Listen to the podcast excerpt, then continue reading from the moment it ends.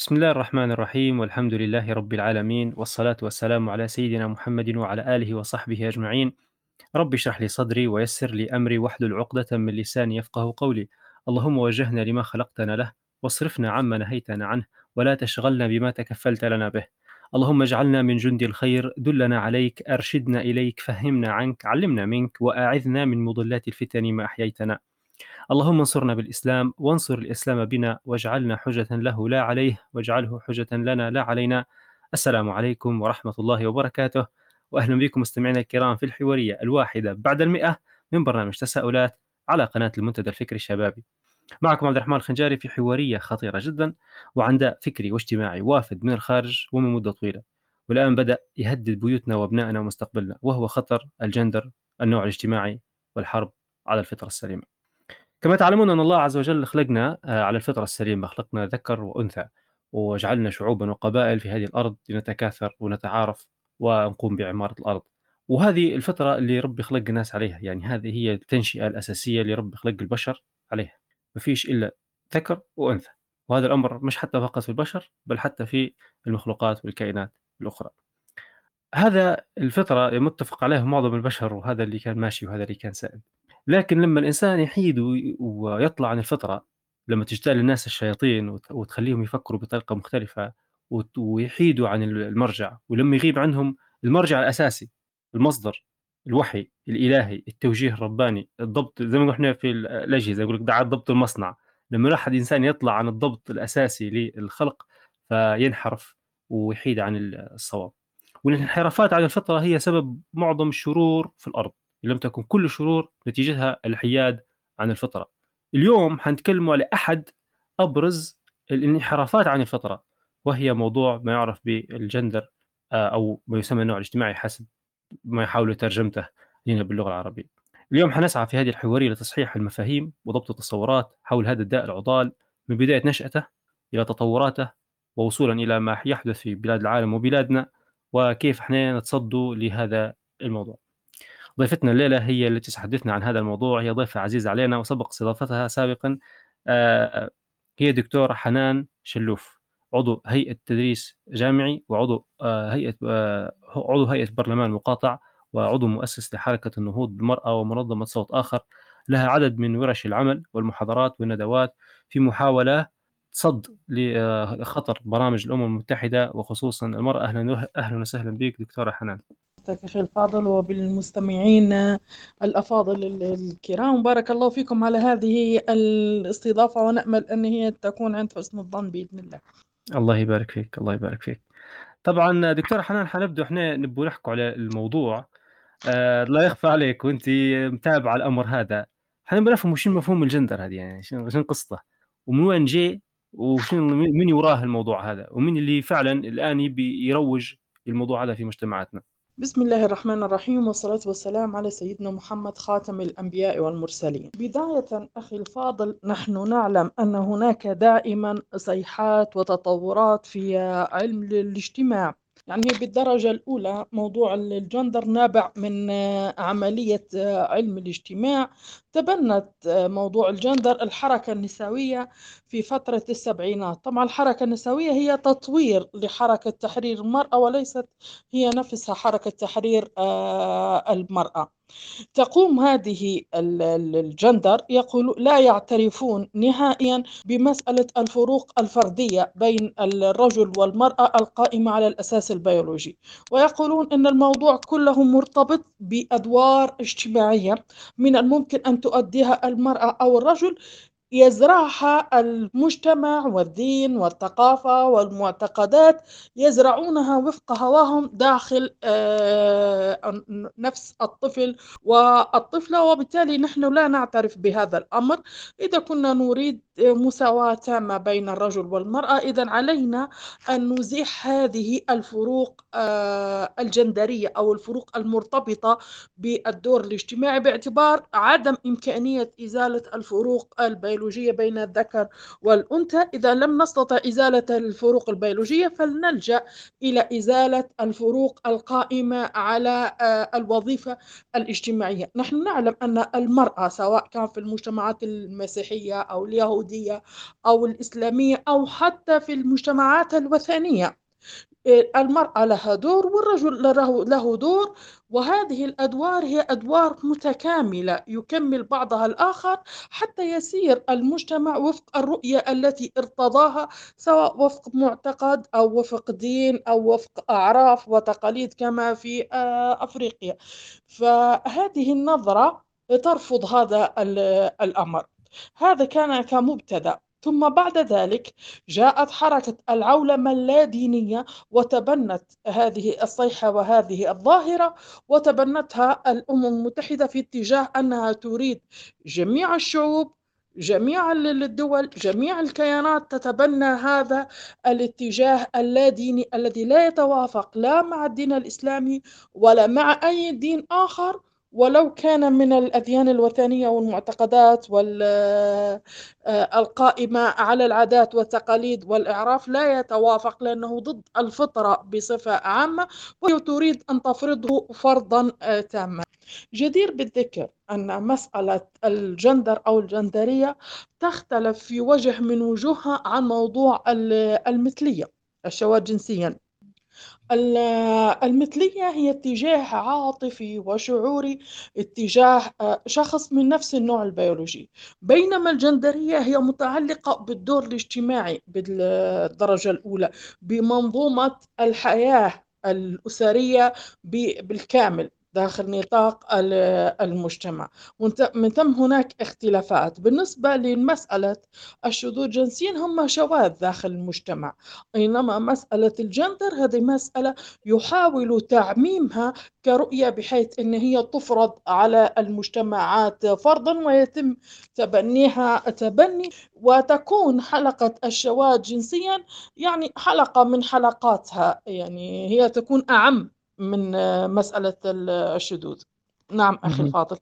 الله يبارك فيك دكتور حنان. بنا بنحاول نوعا ما بنترجم كلامك وأنا بنحاول نعبر عليه فهمي آه،. بحيث نحاول نبسط الأمر للناس. يعني قديما والأمر الفطري عند الأمم والشعوب يعني انه في زي ما قلنا إحنا ذكر وأنثى رجل ومرأة. الرجل عنده أدوار يقوم بها عنده مسؤوليات على عاتقه. من قديم الزمان الشعوب كلها كآلاف السنين إلى إلى نقول إحنا العصر المعاصر هذا. والمرأة كذلك عندها دور بالأسرة عندها دور أدوار وعندها يعني مسؤوليات قائمة بها تتماشى مع فطرتها وخلقتها الأنثوية. اللي صار توا إنه لا قالوا لا المرأة هذا الدور اللي هي تقوم به الطبيعي الفطري اللي هي نشأت عليه يقول لك لا هذا هو مش صح. لازم المرأة تقدر تقدر تنقص تاخذ تدير أدوار الراجل. يعني على سبيل المثال الراجل مثلا دوره مسؤولية البيت توفير الرعاية مثلا الخروج للعمل وتوفير لقمة العيش تحمل مثلا مشاق السفر وغيره والكفاح والحروب وكل هذا. هذا راجل دوره مسؤول. تو يقولها لا المرأة تقدري انت تبدي زي الراجل بالضبط في الشغل اللي يدير فيه. والراجل أنت ليش أنت تقعد تشتغل؟ تقدر أنت تروح الحوش تقعد تدير أدوار المرأة. فقلب الأدوار هي هذه مبتدأ فكرة الجندر صح؟ إن فهي هذه الفكرة. فيقولوا يجي يقولوا للناس ردوا أنتم الاتجاهات الفطرية وميول مثلا الأولاد إلى بعض الأشياء أو الشباب أو الرجال إلى هذا العمل. يقول لهم لا هذا أنتم تقدروا من غدوة تبدأ شنو تشدوا صغار وتديروا الشغل نفسه تدير فيه المرأة والمرأة تدير العكس. هذا أنا في نظري تو هذا في نظري نشوف فيه يصب في حاجة يصب في حاجة اللي هي دفع المرأة إلى إنها تخش في معترك سوق العمل. يعني هو كأنه دفع لها بتكثير الناس اللي يخشوا في سوق العمل وبيهملوا في ذات الوقت الأدوار التربوية في داخل الأسرة. وفي ذات الوقت حيصير منافسة للرجل في سوق في, في سوق العمل هذا ما يضعف قدراته فيصبح غير قائم بأعباء آه، يعني رجولته. هل هذا كلامي صح ولا أنا في شيء غلط نعم. قلت؟ لا لا لا بالعكس. هو صحيح آه، مئة بالمئة. طبعا أنا استكمالا وتعليقا للكلام اللي حضرتك تفضلت فيه في موضوع المقاسمة بالأدوار. عندنا عالمة الاجتماع أوكلي وهي رأس موضوع الجندر. نفسها ذهبت إلى أن موضوع الأمومة هو موضوع خرافة. يعني بهذا الحرف تقول أن الأمومة ما هي إلا خرافة ولا يوجد هناك غريزة. في المرأة هي غريزة الأم لا توجد وإنما هي ثقافة مجتمع هي التي أوجدت الأمومة كوظيفة اجتماعية للمرأة. وبالتالي دعاة المساواة من الحركات النسائية المتطرفة وهذا الاتجاه أيضا تتبناه آه، الأمم المتحدة يذهبون إلى في أي اتجاه؟ يذهبون في اتجاه المساواة التامة في الأدوار. وبالتالي موضوع الأمومة يجب أن يكون مشاركة بين الرجل والمرأة. هنا اختلاف الأدوار بمعنى أن المرأة تريد أن تؤدي وظيفة داخل المجتمع ومسألة رعاية الطفل عائق ولا تريد أن تدفع مال لأحد يربيه. يعني مربية أو حضانة لا تريد أن تضعه في هذا الأمر وبالتالي تتقاسم مسألة العناية بالطفل بينها وبين زوجها بالساعات أو بالأيام كيفما يتم الاتفاق في هذه الشراكة شراكة آه، كاملة. هذه إشكالية. هم يذهبون يعني مسألة الجندر هي في النهاية هل هي غاية أو وسيلة هي في النهاية وسيلة هذا الجندر وسيلة لماذا؟ من أجل الوصول إلى غاية أخرى وهي غاية المساواة التامة بين الرجل والمرأة المساواة التامة بين الرجل والمرأة ماذا تفرض فيما بعد؟ تفرض فيما بعد اللي هي القضاء على سلطة الرجل والهيمنة الذكورية للرجل داخل جميع المجتمعات ولا على الأخص مجتمع الأسرة لأنه هذا الذي يتضح فيه مسألة الوصاية الذكورية في جميع آه، المجتمعات ومن ثم يتم القضاء عليها نهائيا وصولا إلى مجتمع لا ديني. وإذا المجتمعات دائما ما تحتاج إلى رابط قيمي أخلاقي. هذا الرابط القيمي الأخلاقي الذي يجعل لوجودها قيمة ومعنى إما أن تلتمسه في دين أيا كان هذا الدين أو تلتمسه في عرف قد يكون عرف قبلي أو تلتمسه في معتقدات وعادات وطنية. المهم أن يكون هناك رابط للمجتمع يربطه يربط بعضه البعض تحت نطاق قيمي معين بحيث أن ما يخرج عن هذه القيم يعتبر منحرف وشاذ عن قاعدة الصواب. بغض النظر إن كانت هذه المعتقدات صحيحة أو غير صحيحة نحن لا نناقشها الآن. نحن نناقش الفكرة في ذاتها. ومن ثم هم يريدون مجتمع تحكمه قيم قيمة اللادين. إذا اللادين هنا لا تكون من أعراف ولا تكون من تقاليد لأنهم يحاربون في الأعراف والتقاليد والثقافات الموروثة. ماذا تكون؟ ما القيمة؟ يضع هذه القيم الأمم المتحدة. وفق النشرات التي يخرج بها صندوق السكان والاجتماعات النسوية المختلفة. نعم أخي الفاضل. الله يبارك فيك. آه معنى يعني جميل جدا اللي حكيتيه وتو اختار على بالي مثال يعني على سيرة نعم. الأدوار. يعني لو افترضنا فرضا أن في شركة ما الشركة هذه نعم. فرضا فيها مهندس وفيها دكتور. لو جينا للمهندس قلنا له اسمع أنت عندك مهام كمهندس تديرها إحنا تو لا لا أنت بتقدر تكون زي الدكتور خش أنا في مريض خش عاينه ونجول للدكتور نقول له خلاص برا شد الأدوات وابدأ كمهندس. هنا طبيعي هنا حتتلخبط الشركة. يعني هذاك معد ومهيئ خلال سنوات دراسته إنه هو يكون مهندس وذاك معد إنه باش يكون طبيب. فجأة تجي تقول له تعال بنقسم الأدوار بالنص. إيش رأيك أنت تعالج خمسة مرضى وأنت تعال أنا نعالج خمسة مرضى وأنت تصلح خمسة سيارات وأنا أصلح خمسة سيارات. هنا بيصير زي ما يقولوا السعوديين يقول لك جبت العيد يعني أنت خربطت النظام كله. لأن كل واحد عنده شغل يدير فيه وظيفة. وهنا الشخص الناس عادة في الشركات ما يجيش واحد يقول المدير ترى اسمع أنا نبي نكون نص بنص مدير. انت يوم مدير أنا يوم موظف. ما فيش حد يدير الكلام هذا. ليش؟ الناس تحترم في النظام اللي وضعته الشركة. لأنك أنت لو ما احترمتش النظام اللي وضعته الشركة بيلزوك منها الشركة. حتتعاقب في الحالة هذه أنا نشوف إن الناس اللي يتكلموا بموضوع الجندر هم ناسين إن إحنا خلق يعني من خلق الله عز وجل. والله عز وجل فرض علينا أدوار وفرض علينا مهام إحنا نديروها. فهنا لما نجي نعاند الدور اللي وضعه الله عز وجل اني نعاند في فطرته اني نعاند في الحكمة. الالهيه كأني المثل الاعلى كاني نعاند في مدير الشركة. نقول لا لا أنت ما تفهمش أنا افهم خير منك. كأن أنت اللي خالق المخلوقات هذه. وهذا طبعا يقودنا تو للمحور الثاني اللي هو كيف المفهوم هذا الجندري يتناقض مع الدين والفطرة السليمة. كيف ممكن تحد تكلمين عليه دكتور دكتورة حنان؟ نعم. بارك الله فيك. لكن قبل الانتقال إلى النقطة الثانية أريد أن آه، أستمر فيما تفضلت به في موضوع مثال الشركة والدكتور والمهندس. هو بالفعل عندما ذهبوا إلى محاولة تغيير أدوار المرأة مع الرجل بالشراكة اصطدموا بالواقع الذي تتحدث عنه أخي الفاضل. وأصبح هذه هي نقطة الفشل الأساسية في نظرية آه، الجندر. لذلك ماذا فعلوا؟ لجأوا إلى موضوع تنشئة الأطفال تنشئة جندرية. آه، إلغاء دور الهيمنة الأسرية في توجيه الأطفال. ماذا أصبحوا يقولون لنا؟ دعوا الطفل يختار هويته الجندرية. الطفل يريد هو ولد يريد أن يلعب بلعبة عروسة لعبة البنات. يريد أن يلبس ملابس البنات. يريد أن يستعمل مكياج البنات.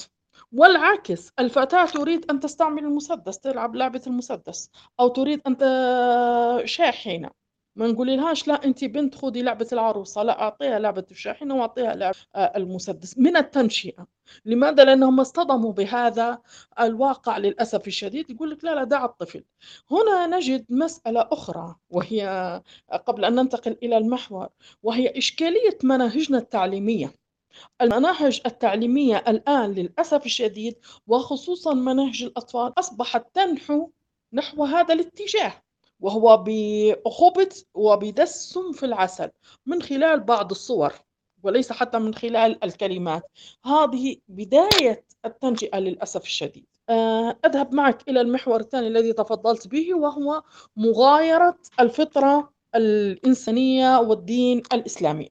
طبعا الفطرة طالما نحن اختلفنا بيولوجيا إذا سنختلف في الأدوار التي نؤديها بشكل أو بآخر. فمسألة أن أنا مختلف بيولوجيا وأؤدي نفس دور الاجتماعي الذي يؤديه المغاير لي هي فكرة غير مقبولة يعني. ولكن مع ذلك مع ذلك نرى ماذا آه، تخالف في, في الأسس الإسلامية. يقوم الجندر في أساسه إلى عدم النظر للرجل والمرأة من الناحية البيولوجية. نحن سنتحدث عن الدين الإسلامي وإن كان لباب الفاتيكان رؤية أخرى وخصوصا أول ما خرجت مناهضة العنف على أساس النوع الاجتماعي وهو الجندر صرخ وقال أنه ضد الفطرة الإنسانية يعني مش غير ضد الأديان من الأشياء اللي موجودة فيها. بالنسبة لنا مسألة التمييز في الدور الاجتماعي سيؤدي إلى آه، مسألة أخرى وهي نحن في الدين هناك تكاليف مكلفين بها كذكر وأنثى وفق النوع الاجتماعي بغض النظر عن التكاليف المكلفين بها كواجبات وحقوق المكلفين بها كجنس بشري. ينطبق على الرجل وينطبق على المرأة مثل الصلاة على سبيل المثال الصوم الزكاة الحج. هذه تكاليف مكلف بها الجميع. ولكن هناك تكاليف يختص بها الرجال مثل الجهاد. آه، تكاليف أخرى تسقط عن المرأة.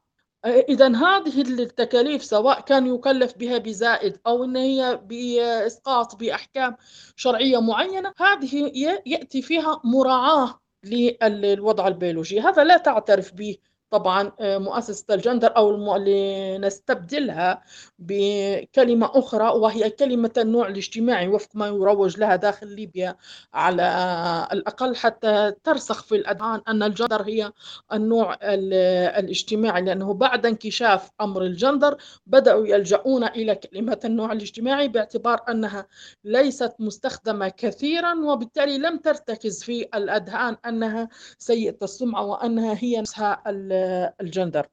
وبالتالي هذا أول مبدأ ضد الدين الإسلامي على أقل شيء. الأمر الآخر أيضا في مسألة الجندر هو تغيير الوظيفة الاجتماعية بين الرجل والمرأة تهدم وصاية الرجل على المرأة. ونحن لا نقول الوصاية بتعسف ولكن نقول الوصاية اللي هي اللي موجودة في القوامة وهي عماد الأسرة. قوامة الرجل على زوجته قوامة الرجل على أو وصاية الرجل على بنته وعلى أخته.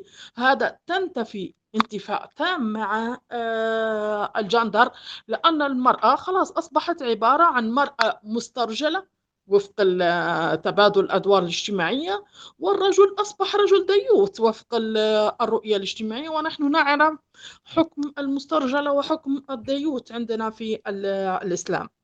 أيضا مسألة اللي هي في خرافة الأمومة اللي تكلمت عليها أوكلي ونحن نعلم أن هي غريزة وأن عندها أحكام أيضا داخل الأسرة أو داخل الإسلام. المسألة الأخرى وهي هذه مرتبطة لدينا باتفاقية سيدان وأيضا يتم الترويج لها بشكل أكبر من خلال آه، النوع الاجتماعي وهو موضوع الصحة الإنجابية. الصحة الإنجابية قد يتوهم شخص عندما يستمع إلى الصحة الإنجابية أنها ترتبط بموضوع آه، الأم. والرعاية الصحية التي تتوفر للأم. في حقيقة الأمر ليس هذا هو المقصود بالرعاية أو الصحة الإنجابية وإن كانت فيه جزء بسيط منها في هذا الاتجاه ولكن الجزء الأساسي في موضوع الصحة الإنجابية وهو مسألة تبادل في تبادل الأدوار معالجة الإشكالات الناجمة عن الحمل والتي تمنع المرأة من أداء الدور المغاير لها اجتماعيا. مثل مثل مثلا إباحة الإجهاض وهذا مش موجود عندنا إحنا في الإسلام إلا بضوابط شرعية محددة. هذا أمر هم يبحونه تماما حتى تستطيع المرأة أن تؤدي الدور الذكوري بحرية. خلافا من مسألة الأخرى اللي هي مسألة آه، موانع الحمل وانتشارها خارج مؤسسة الزواج إلى آخر تلك الأمور المتعلقة بهذا الجوانب والتي هي ضد آه، تعاليم آه، الإسلام. الله نعم. يبارك فيك. آه، الله يبارك فيك. الله يبارك فيك. هي سبحان الله يعني في في في الشريعة موضوع حكم تشبه الرجال بالنساء والنساء بالرجال أمر خطير جدا يعني. وهو يعني هذا مربط وهذا ولا مؤاخذة مربط الفرس في موضوع الجندر. هي هذه النقطة اللي تفضلت بها الآن. صحيح يعني الأمر محرم يعني. إنك إن الراجل يقلد المرأة هذا خلاص يعني. أنت ارتكب أمر عظيم. ف وهذا لما نجي نشوفه أن عدم التشبه مش حتى بس قيام بالدور لا التشبه. نعم تحاول تشبه بس بك. أنت قاعد ما أدري بالدور. منهي نعم. عنه فمن باب أولى أنك أنت تاخذ دور غيرك وتقول أنا. وتقول أنا بنديرها. فهذا واضح يعني ب- بال... بالبداهه لكن لأن مش عارف الناس مش محتاجة تذكر روحها بالموضوع هذا ولا بكثرة الظن زي ما يقول لك الظن على الودان أمر من السحر. الناس قادرة مش مش قادرة تميز. وفعلا أنت نقطة مهمة جدا ذكرتها اللي هو التلاعب بالألفاظ. وهي تسمية الأمور بغير اسمها. زي ما صار مثلا مع الخمر. في الخمر في نعم. القرآن واضحة لكن تو كيف يسموا فيه؟ آه المشروبات الروحية مشروبات مش عارف شنو ال- فخي يغيروا في أسمائها باش تتزين عند الناس باش يقبلوا ال- الأمر هذا. وعلى وقيس على ذلك جميع المحرمات يعني وهذا منها. بس في شيء ثاني ممكن آه، تأكيد عليه بس موضوع الأدوار إن في أدوار يعني واضحة صريحة نص عليها القرآن. يعني زي ما كما قال الله عز وجل آه، الرجال قوامون على النساء بما فضل الله بعضهم على بعض. يعني ففي تفضيل في في ناحية معينة تمايز يعني كل واحد مفضل الثاني في شيء معين وفي قوامة موجودة طيب هذه كيف بيقدروا ينكروها؟ كيف يقول هذه بنقسمها بالنص؟ فأنت هنا أنت خاش في يعني ناس لما يجي يقول لك لا نقسم كل شيء بالنص وأنا لي دور فأنت هنا يعني يعني هم في المجتمع الغربي صح لأن ما عادش عندهم مرجعية ما عادش عندهم دين فأمر نقدر نوعا ما نفهم علاش صار لكن المشكلة لما يبدأ يخش عندنا بلادنا إحنا وتلقى معلمين في مدارس متأثرين بالمنهج ويروجوا في كلامه هو.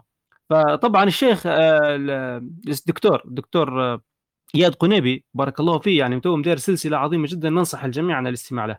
حتعطيكم فهم أعمق وللموضوع هذا بتجلياته. ف إحنا ممكن تو ندخلوا على موضوع شنو قاعد يصير في ليبيا. دكتور حنان احكي لنا شنو قاعد يصير. أنا أعطيني نقطة آه، نختم بها الفقرة هذه ونبتدئ بها هي نفسها الفقرة القادمة فينا اللي شنو يصير في ليبيا. مسألة القوامة.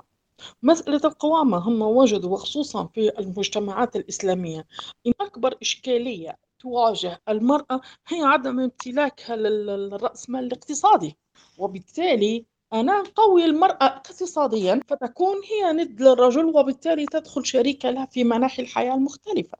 وأولهم أول مناحي الحياة هذه هي الأسرة. إذا كيف نفعل هذا الأمر؟ ما نديرش أنا تمكين اقتصادي لل- للأسرة ولا ندير تمكين اقتصادي للفقراء سواء كان رجل فقير أو مرأة فقيرة لا. أنا ندير تمكين اقتصادي للمرأة، ندعمها بمشاريع حتى وإن لم تكن فقيرة، أهيئ لها السبل طالما أن هي مرأة، والأهم من هذا كله إن أنا نغيّر القوانين لصالحها، لصالح المرأة اقتصاديًا. القوانين بالنسبة لينا نحن كعالم إسلامي سنغيرها لصالح المرأة اقتصاديًا، وهم يرون أنه يتمثل في الميراث، عندما تأخذ المرأة آآ نصف الميراث مقارنةً بأخوها وهو رجل، هنا هذه عندهم إشكالية، أن المرأة هنا لم تتمكن اقتصاديًا، إذًا ساوي لي في الميراث بين المرأة والرجل آآ حتى آآ يكون لها دخل اقتصادي قوي، وبالتالي كلمتها تكون مناوئة للرجل. الإنفاق داخل البيت وفق رؤيتهم، المرأة تعمل داخل البيت، تنظيف، طبخ، آآ رعاية أطفال، قال لِك لأ، هذه ساعات تقضيها المرأة في المنزل كان من الممكن أن تقضيها في الخارج في أداء وظيفة معينة وتأتي بأموال، إذًا لابد إما أن تتشارك الوظيفة المنزل مع الرجل أو يدفع لها أموال نظير إقامتها بهذه الأعمال داخل المنزل، حتى تتكافأ معه اقتصاديًا. ونحن لعلنا رأينا بعض مقطع منتشر على الفيس وهو من مقاطع التيك توك قد يتناول تم تناوله كترند وبفكاهة. رأيته أكثر من شخصية تؤدي هذا الأمر وهي مسألة أن مرأة تأخذ من أموال زوجها وتقول له هذه أجرة أجرة الطباخ الموظفين الذين وظفناهم لدينا الطباخ والنظاف وما أعرفش وما إلى ذلك فأقول لها أين هم؟ تشاور على نفسها أو تشير على نفسها هذا في. الحقيقة يدخل في صلب هذا الأمر نحن نتناول هذا المقطع بفكاهة والكثير قلدوا هذا المقطع وفعلوه كترند ولكن للأسف الشديد هذا المقطع يسير في نفس هذا التوجه وهذا الاتجاه. نأتي من هذه النقطة وهي نقطة القوامة ونقطة الميراث ونتوجه بها إلى ليبيا. في ليبيا أول ما ظهر هذا الأمر ظهر مع بدايات ثورة 2011 الحراك النسوي الذي كان موجود في في بنغازي. هذا الحراك النسوي في بنغازي أول ما بدأ يطالب مباشرةً بدأ يطالب بالمساواة بين الرجل والمرأة. نحن في حالة حرب، ما زلنا لم نستفق موضوع ال الدماء وما حدث في الثورة، ووجدنا هؤلاء النساء يطالبن بهذه المطالب، لم نلتفت إلى تكوين الدولة وإلى شؤون القانون وإلى هذه الأمور. يعني أمر غريب جدًا إنه تتم مطالبات في هذا الوقت، يعني أنا نتحدث بالذات لأن هناك كانت قضايا أهم من هذا الأمر. وجدناهم بهذه الكيفية، وجدنا ورش عمل لمنظمات ليبية واخدة آآ دعم مالي من منظمات أجنبية ومن منظمات تتبع الأمم المتحدة. هذه المنظمات في ورش العمل كانت تحث النساء على الطلب بالمساواة في الميراث. وسجلنا نحن أسماء هذه المنظمات ولكن لا نريد أن نستعرضها في هنا، وبعضها الآن أغلق أبوابها وسافر إلى الخارج والبعض طالب حتى بلجوء في الخارج، لجوء إنساني في الخارج باعتبار أنهم تعرضوا إلى الرفض هنا وإلى التهديد ورفض هذا الأمر، ولكن كان هناك دعوات من ليبيات داخل الأراضي الليبية بالمساواة في الميراث، بتغيير القانون لصالح المساواة في الميراث بين الرجل والمرأة، طبعًا نحن نتحدث في مسألة المساواة في الميراث في حالة الأخ والأخت، لأن هناك الشرع ساوى في حالات أخرى بين الرجل والمرأة في الميراث، وأحيانًا المرأة حتى تتفوق على الرجل في ال الميراث، ولكن هم يذكرون في هذه النقطة بالأخص موضوع الأخ والأخت في المساواة في الميراث، والنقطة الأخرى أيضًا التي ينادون بها وهي نقطة آآ عدم معاقبة آآ الزانية وعدم آآ حبسها باعتبار أن الجسد هذا ملكية خاصة وحرية. ومن ثم رفع هذه العقوبة من القانون. وصلنا إلى آآ 2013 خاطبت الhuman rights watch في ذلك الوقت كان رئيس الحكومة علي زيدان خاطبته بتعديل قانون الميراث وتعديل قانون الزنا. بناء على ماذا هذه المخاطبة جاءت؟ بناء على المنظمات النسوية. الليبية التي كانت تأخذ في استبيانات من النساء وورش عمل تقيمها من النساء بأنهم ضد هذين القانونين الموجودين في ليبيا. وخاطبت أيضا المؤتمر الوطني والمؤتمر أحال الموضوع إلى لجنة اللجنة الشرعية داخل المؤتمر الوطني التي أفتت بأن هذا يتعارض مع الشريعة الإسلامية. ولكن هناك ضغط عندما ذهبنا إلى البرلمان ما, ما الذي حدث؟ أوقف هذا الأمر ومن تم والاتفاق السياسي أيضا لم يجعل الشرعية الحكمية المطلقة التي كانت موجودة من قبل وبالتالي عادت مسألة المناداة مرة أخرى في هذا الاتجاه وبقوة أكبر وليس هذا فقط والعمل على الأرض في مسائل أخرى وخصوصا مسائل الصحة آه، الإنجابية وبرامج مستمرة أيضا المناهج التعليمية تسير في نفس النسق والاتجاه وهو تعليمة النشئ مسألة آه، الوعي بهويته الجندرية أو بنوعه الاجتماعي أين تذهب ميوله في الدور الاجتماعي الذي يقوم به.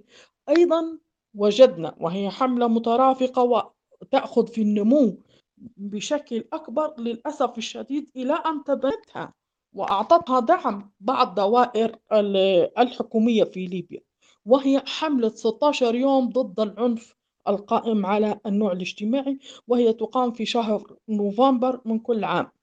هذه الحملة أول ما بدأت بدأت مدعومة بدعم من منظمات خارجية. للأسف الشديد هذه الحملة في ظاهرها وهي مكافحة العنف ضد المرأة. أنا عن نفسي ضد العنف ضد المرأة أي مكان حتى ولو كان بكلمة. وليس بفعل سلوكي ولا بأي شيء ولو بكلمة تجرح المرأة أنا ضدها. لأن في نهاية المطاف الكلمة الطيبة صدقة.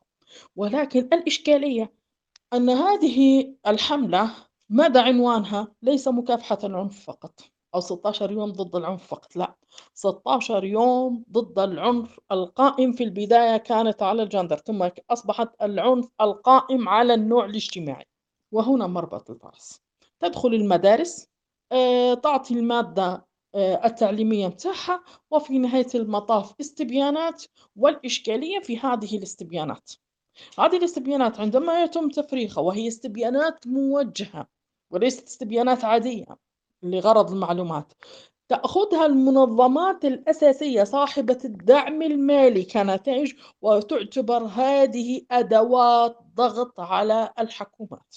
من أجل ماذا؟ من أجل تغيير القوانين تغيير المناهج فرض قيود وإلى آخر تلك الأمور. فهذه الاستبيانات أقوى من السلاح في التأثير أقوى من السلاح ويتم الاستهانة بها.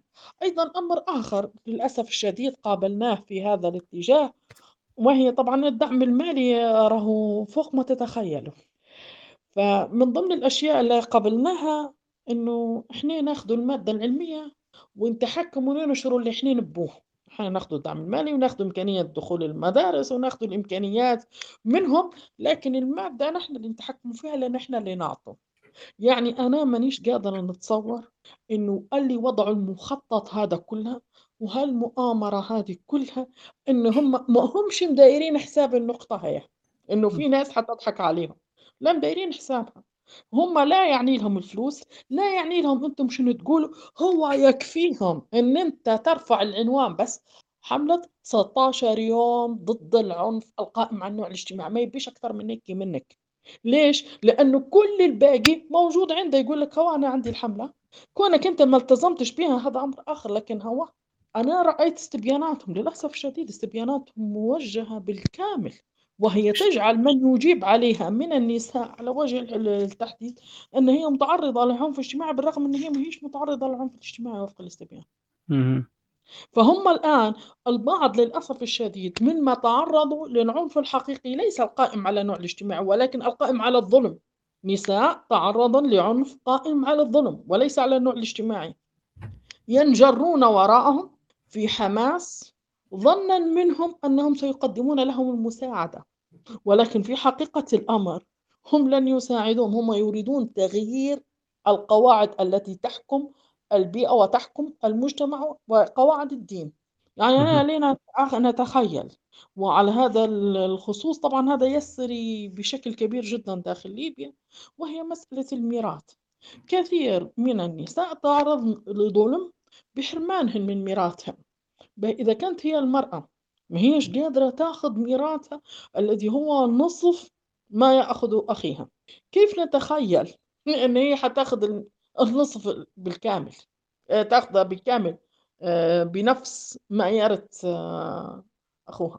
يعني هي الأمم المتحدة وهذه المنظمات بدلا من أن تساعد المرأة في أن تأخذ النصف تغير لها القانون لكي تأخذ نفس حصة الرجل وفي النهاية المرأة لا تأخذ شيء. لا النصف ولا الكامل. يعني باش نشوف الأضحوكة يعني. ولكن اللي صار شني اللي صار إن إحنا أغضبنا رب العالمين وأحكمنا ب... وأحكمنا أنفسنا بغير ما أنزل الله. هنا الإشكاليات الكبرى للأسف الشديد. في أمر آخر أيضا مسألة الورش مسألة الصحة الإنجابية التي تحدثنا عنها منذ قليل. هناك ورش كثيرة منذ 2017 الآن بدأوا يتخذوا في اتجاه إجرائي نحو حصر المراكز القروية والمراكز الصحية شنو هي الخدمات اللي تقدم فيها؟ ونوع الخدمات. وأيضا إعطاء ورش عمل للي يعملوا داخل هذه المراكز الصحية في برامج تكون في نسق برامج الصحة الإنجابية. وكما تحدثنا أن الصحة الإنجابية ليست متعلقة برعاية الأم من ناحية الإنجاب ولكن لها مسائل وتشعيبات أخرى يأباها الدين ويرفضها رفض مطلق. حول ولا قوة إلا بالله. لا حول ولا قوة إلا بالله. نعم أخي الفاضل لو عندك تعقيب. والله أنتِ تحكي وأنا قصدي بجد الموضوع يعني مزعج، ليش؟ زي ما قُلتِ أنتِ هو بدايةً الناس يعني آآ ابتعدوا على نهج ربي عز وجل، هذه نقطة، أول حاجة لمّا ييجي حد يقول لك الميراث أنت شنو؟ أنت قاعد تنعاند في ربي، ربي اللي خلقك خلاص سلّم، شنو معنى مسلم؟ إحنا عندنا إشكالية في ليبيا. آه نطلع شوية عن الموضوع لكن هو في لب الموضوع، ترى لمّا تلقى ناس يجوا في كلام زيادة هو معناها يقول أنا مش مسلم، تمت نقطة ما عادش فيها جدال. وش معنى المسلم؟ معنى أنت مستسلم لله. معنى أنت مؤمن باللي لا ربي قاله بالشرع اللي حطه هذا هو الصح. ولكن في نفس الوقت المسلم مش عبيط. لازم يكون واعي. أنت لما تلقى ظلم صاير الناس مش مطبقة شرع ربي. معناها المشكلة في الخلل في الناس مش في الشرع. الخلل في التطبيق وليس في الشارع. مش في الله عز وجل. الله الله عدل. الله ما يظلمش الناس. فالناس لما تد... الكلام هذا مش فهماته وتطلع مجموعة نسائية تقول لك لا نبي المرأة زي بعضها هذه محتاجة قبل ما ندي معاها ونجادلها وحقوق مرأة. تعال جاي تعال. انت قالتي انت مسلمة ولا شنو انت؟ انت قارية دينك صح ولا غير جاية تدويك وخلاص. مو المشكلة إحنا نفتحوا في ابواب نفتحوا في باب ونناقشوا في ناس ونحكوا معاهم. هو إحنا مش واقفين على خط واحد. إحنا مش واقفين على أرضية واحدة. قد يدوي بكلام ثاني فاحنا مشكلتنا لما لما برلمان ولا جهات ولا اللي أي جهة تخاطب في ناس ثانية ولا تاخذ في حواريات لازم السؤال يطرح نفسه هل إحنا على أرضية واحدة ولا لا؟ نعم. فهذه هذه الكارثة. ومشكلة إحنا في جهل كبير بالدين. التربية الإسلامية مش مش فهم مش مفهومة. تدرس بطريقة خطأ ابلاد مش فاهمة دورها بعض منهم مش عارف إيش تقري. ومنهج كل مرة يتم نهشة كل مره المنهج سبحان الله كل مرة ينشوا منه حاجة. لأن ما عادش أصبح منهج هزيل. مع يعني الطفل يقرأ 16 سنة في المدرسة تسأل على دينه مش عارف يعبر مش فاهم شيء. اصبح فيضة وأنجح وامتحانات وغش واسئله استرشاديه ومش عارف شنو. إحنا عندنا خلل على يعني متعدد الطبقات. فاحنا تو لما نجي نسمع فيك دكتور حنان تتكلمي على إيش قاعد يصير والمنظمات والناس إحنا عندنا عندنا حاجة عميقة في الخلف. يعني لو النساء فهمت دينهم صح مستحيل يوصلوا لمرحلة تجي منظمة تضحك عليهم. يعني نعم. نسأل الله السلامة يعني. آمين يا رب العالمين. نعم. فيعني تو اللي فهمت منك اللي صاير في ليبيا الآن حاليا يستغلوا في عن طريق زي ما قلت الاستبيانات هذه يتوجهوا للنساء إن هم يحاولوا يروحوا ضد العنف وكذا. فالناس فاهمة إن حسابها لا العنف حساب بتاع واحد شده تطريحها. هم هذا يجي في بالهم عنف يحسبوه بالشكل هذا. ما يحسبوش إن العنف إن لما تطبيق شرع ربي في حالات يعتبر عنف في منظورهم. نعم. يعني تطبيق شرع ربي في في الميراث ولا في في الأحكام مثلا الحدود ولا غيرها لا هذا أنت ده عنف. ف فيستغلوا في حاجة يسمون فيه الكثرة نتاع الناس السلاح الديمقراطي هذا. لأن هو بعدين بيخاطبوا السياسات يعني الدول يخاطبوا ليبيا أنت دولة ديمقراطية صح ولا؟ أنت ليبيا دولة ديمقراطية. آه وشو اهو الناس داخل ليبيا قالوا ان هم لا يبوا تغيير القانون الشريعة ما يبوهاش. كيف أنت قاعدة مش طبق الموضوع هذا؟ فيبدوا شنو يفرضوا علينا بالقوة. يعني ضغوط دوليه وعقوبات وكذا انكم أنتم ما تبوش. ف شنو تعليقك على الموضوع هذا بس لو تبي تضيفي شيء زيادة؟ لا لا هو بارك الله فيك. أنا في هذا الاتجاه. أنا بنركز على نقطة المفاهيم المشكلة ال- الكبرى. نحن المفاهيم الدينية غائبة وخصوصا على المرأة. يعني مفهوم ال- القوامة للأسف الشديد ما هوش مفهوم. لدى الكثير من آه، بناتنا و... والمرأة في ليبيا. للأسف الشديد أنا يعني نقوم الآن نشرف على بحث تقوم به بعض طالباتي لطالبات ال- الدراسات الإسلامية على مفهوم القوامة. شبه غائب عن طالبات دراسات إسلامية. إذا فما بالك بباقي الطالبات؟ ما باقي بباقي المجتمع. فهنا الإشكالية الكبرى. أيضا ورش العمل. يعني تخبرني بعض من أثق فيهم من ما حضر ورش عمل لل...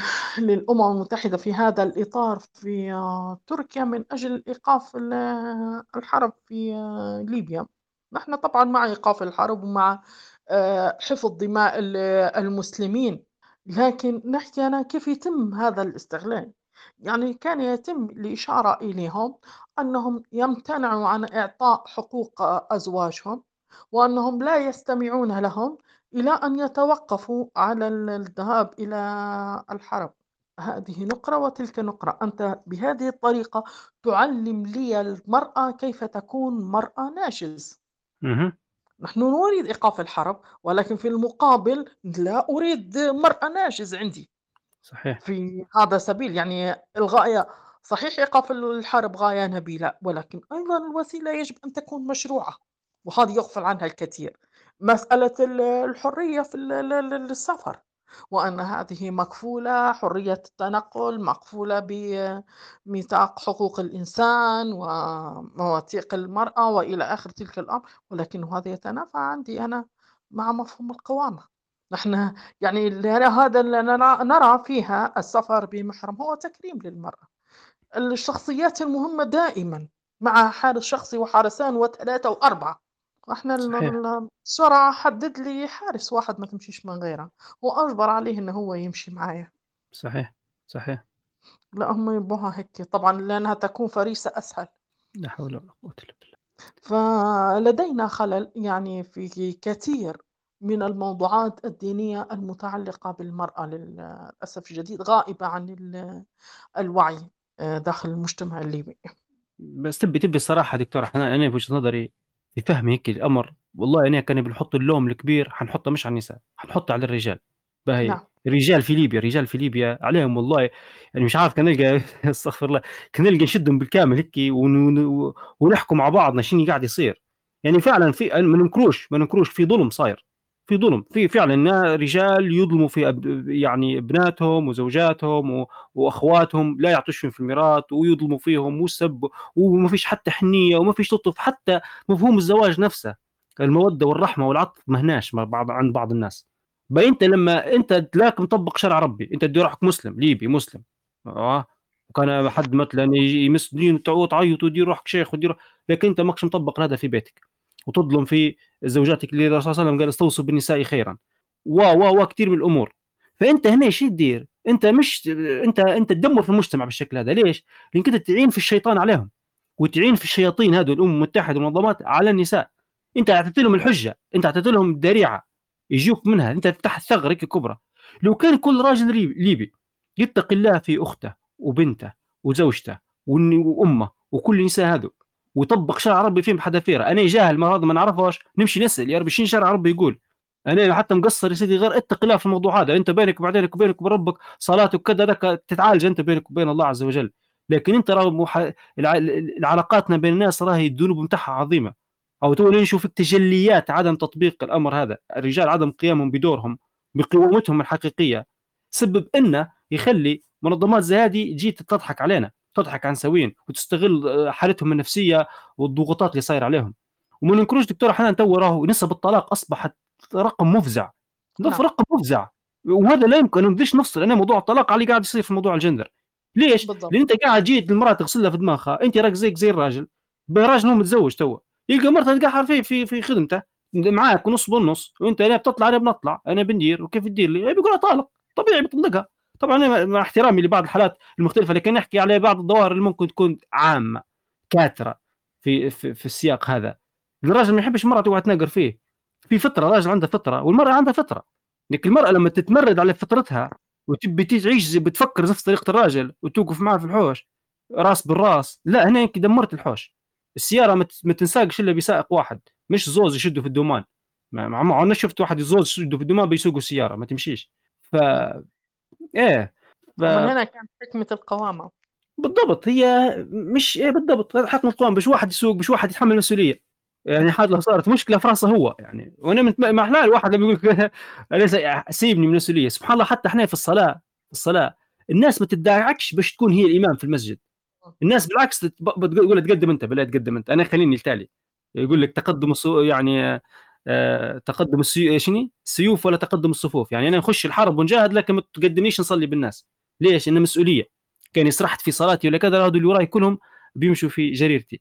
فهذه حسيت النقطة شوية محتاج نركزوا عليها. دكتور إحنا ممكن تو نخش في المحور الرابع. آه نحكوا في على موضوع بتقولي حاجة. آه نعم. قبل لا نخش في المحور الرابع لأنه أنا بصراحة نحب الموضوع الحوارية ما نحبش الاسترسال لأن الحوار يعطيك أفق أكثر من الاسترسال. فتو الآن أنت في حواريتك يعني أضأت إضاءات كبيرة جدا أنا نحب نركز عليها. مسألة الرجل والمرأة عندنا يعني ظلم الرجل والمرأة. نحن الحقيقة الأمر حتى لا تعيش المرأة دور الضحيات. الرجل أنه بسبب ظلمه بسبب جبروته بسبب استبداده اندفعت هي في الاتجاه المغاير أو المعاكس اللي هي اتجاه هذه الدعوات. للأسف الشديد المرأة تتحمل المسؤولية وإن كان الرجل مستبد وإن كان الرجل ظالم وإن كان الرجل يفعل ما يفعل تتحمل هي المسؤولية. لأنه لدينا مسألة ابتلاءات. ولدينا مسألة تكليف ولدينا مسألة حساب. الحساب كل إنسان بيحاسب بنفسه. يعني أنا الرجل كان مستبد وكان ظالم حيحاسب على ظلمه واستبداده ولكن أنت أيضا إن اتجهت إلى الاتجاه المغاير أيضا ستحاسبين. أين قيمة الصبر؟ أين قيمة الجهاد؟ صحيح. هي أيضا عليها جهاد وهو جهاد النفس وهو أكبر من جهاد السلاح. أين هذه القيمة؟ إذا المشكلة عندنا نحن أنا لو نبي نلمسها لمس مباشر المشكلة في أن المرأة غير واعية بدينها للأسف الشديد. صحيح. هذا الأمر الجهل بالدين هو تجهيل وليس غير جهل بس. يعني ما هوش إهمال منها هي إن هي تتلقى العلم الديني ولكن أيضا تجهيل. بمعنى بعد الحروب الصليبية وفشلها. رجعوا الجنود المسيحيين إلى أوروبا. في أوروبا بماذا وعدوهم؟ وهم يجندوا للحملات الصليبية ويجمعوا من كل الأقطار الأوروبية. وعدوهم أن أنتم ستجدوا جنة ستجدوا أموال وجواري و و مجتمع ألف ليلة وليلة ستجدوه في المشرق. بالإضافة إلى ذلك باعوا لهم صكوك الغفران. من مات سيدخل الجنة. اشتري صكوك الغفران. فالكنيسة زادت غنى على غناها. جاءوا إلى العالم الإسلامي فشلت حربهم. وما لقوش جواري ما لقوش خضرة ما لقوش الشيء اللي كانوا يتكلموا فيهم عليه إن أنتم حتجدوه في المشرق. وأيضا لقوا ناس تموت بدون ما تشري صكوك غفران وهي فرحانة. شهادة. صارت لهم صدمة نفسية. رجعوا رجعوا قعدوا يخبروا في الناس غادي. رجال الكنيسة استشعروا الخطر. لما استشعروا الخطر ماذا فعلوا؟ بدأوا هذه أخطاء في القرآن. هذه أخطاء في الحديث. القرآن محفوظ التشكيل تغير معروف. الأحاديث محفوظة بالسلسلة الذهبية. قالوا نحن ليس اجتمعوا قالوا نحن ليس لنا سبيل على المسلمين إلا بإخراج النساء من خدورها هي تغيير الأدوار. هي تغيير الأدوار. يعني بالجندر هذا هو. يعني أنا لما نجد عندي راجل ظالم هو ما جاش ظالم هو تربية أمة في نهاية المطاف. إن أهملت وإن لم تهمل هو تربية أمة في نهاية المطاف. إما إن هي تعلمه على أخلاق الدين وعلى الرحمة وعلى إنه يهتم بأخته ويهتم بالمرأة وكل تعاليم الدين ويتستشعرها في نفسه وفي داخله مش مجرد تعليم هو ياخذها فكرية. يجب أن تكون وجدانية. هذا دور من؟ هذا دور الأم. صحيح صحيح. الأم مدرسة.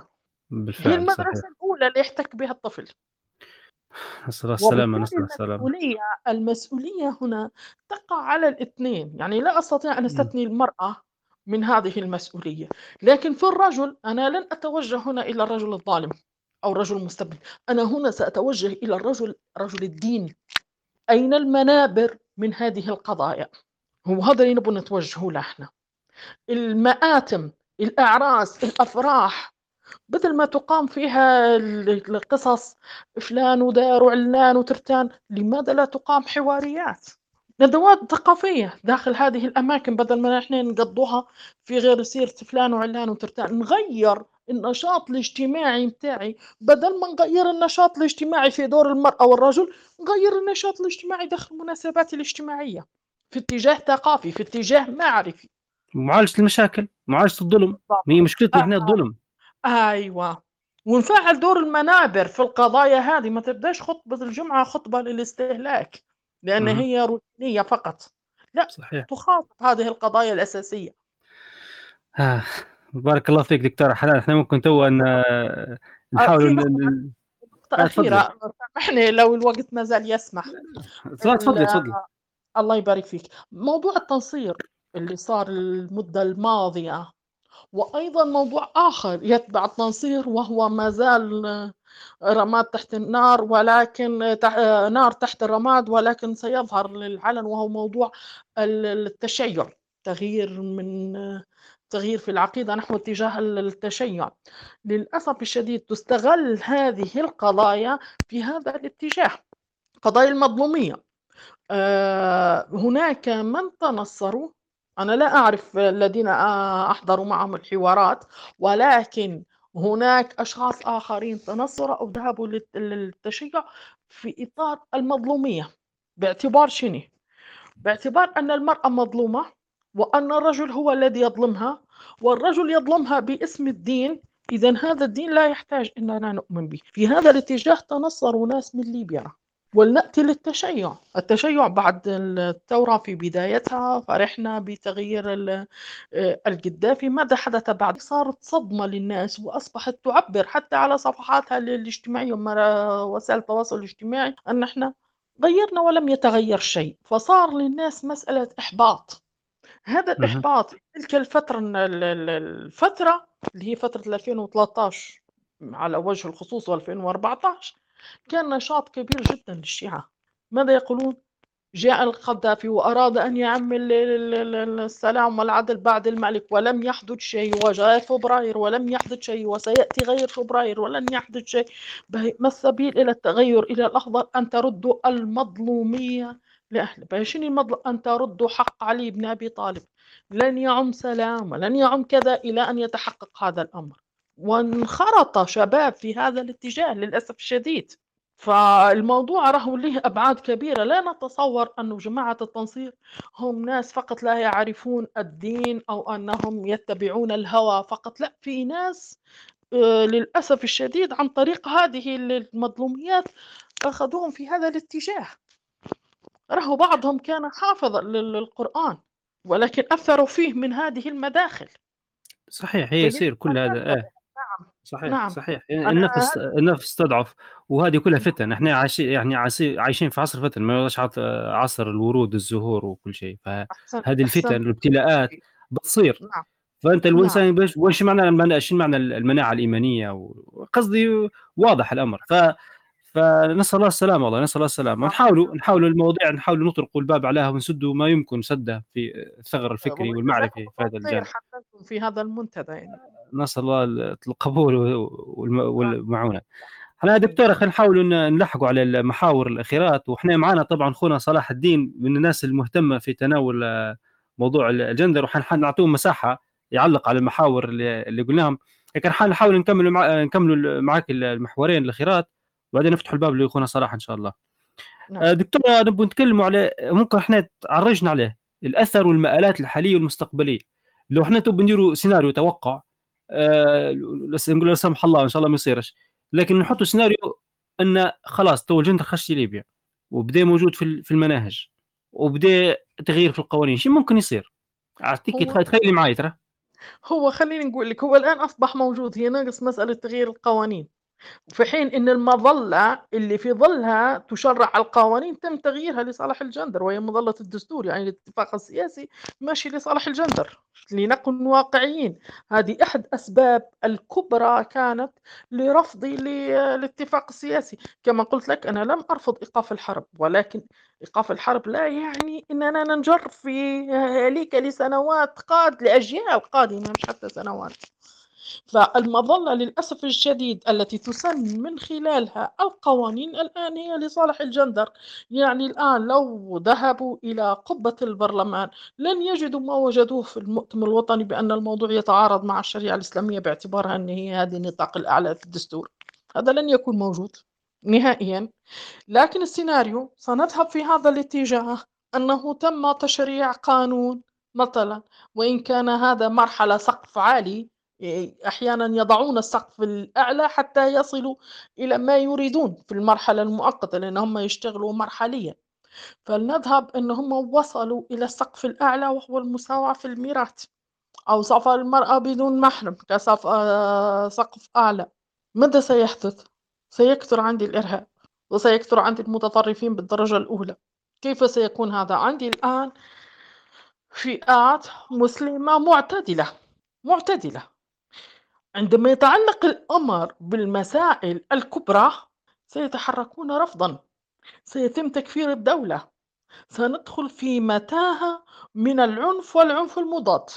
هذه صحيح. أكبر سيناريوهات أراها وإن كانت مؤجلة يعني إلى الآن لم يحدث هذا الأمر ولكن نسير في هذا النسق وهذا و... وأنا نزيد نزيد عليك. أنا شو نقول بكري كي كنت نحكي على موضوع الطلاق من هذا بي... بيصيرنا مشاكل في الطلاق حزيد أكثر؟ عنده مشكله ثانية أيضا حتصعب الزواج أصلا. عندك الدعاره ستكون مقننة وهذا يعني لن يكون غريب. تقنين الدعاره هنا كان موجود فترة سابقة أيام الطليان. سيعود من جديد باعتبار الحرية الجسدية وكل واحد يتملك و و و و. إلى سيكثر ستكثر مشاكل لا حصر لها. لا حول ولا قوة إلا بالله. وهذه انتكاسة الفطرة. نعم. نعم. لما الإنسان يعني يطلع عن الدين فنسأل الله السلامة والله. آمين يا رب العالمين باهي دكتورة خلينا تو نتكلموا بالجانب الإيجابي شوية ولا كيف الحلول الأمل. إحنا نرى مش الهدف من الحوارية يعني نشكو مشاكل وخل... لا لا لا. إحنا غير تو إحنا نحاول نسلطوا الضوء نفهم وش قاعد يصير باش ناخذ خطوات باش نتحركوا.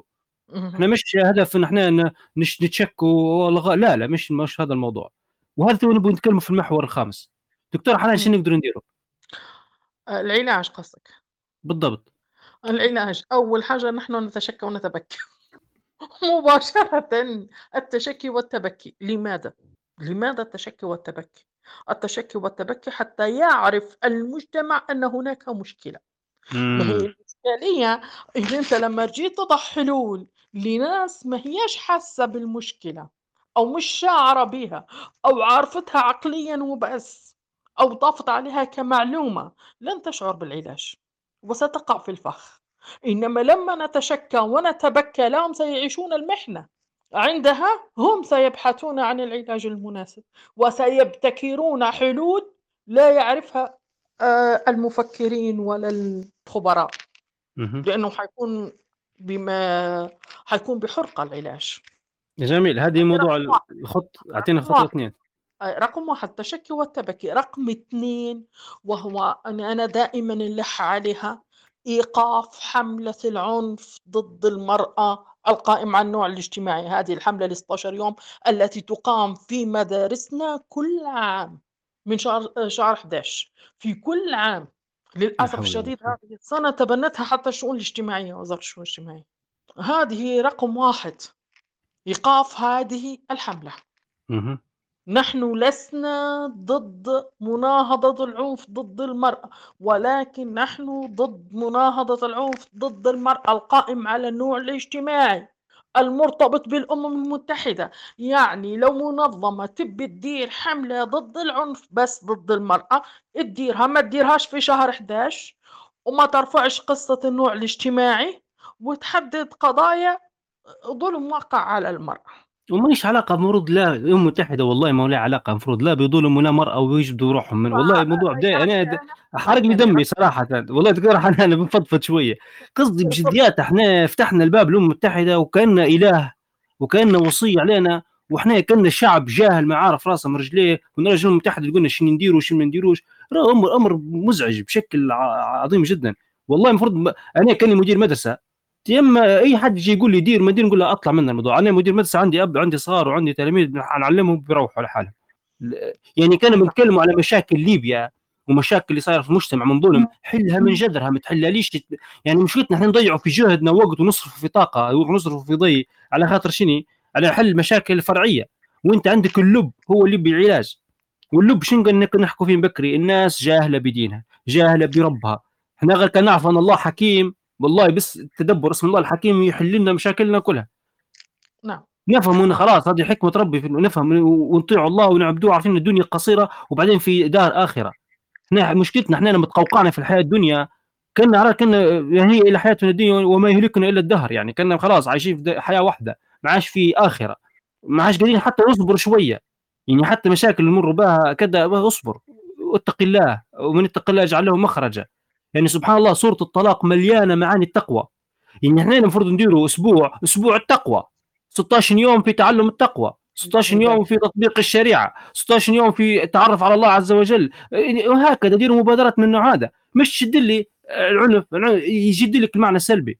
الرسول صلى الله عليه وسلم قبل ما يمشي المدينة 13 سنة قعد في مكة شنو كان يعلم فيهم؟ كان التركيز كله الشحن إيماني يعني المعاني الأساسية.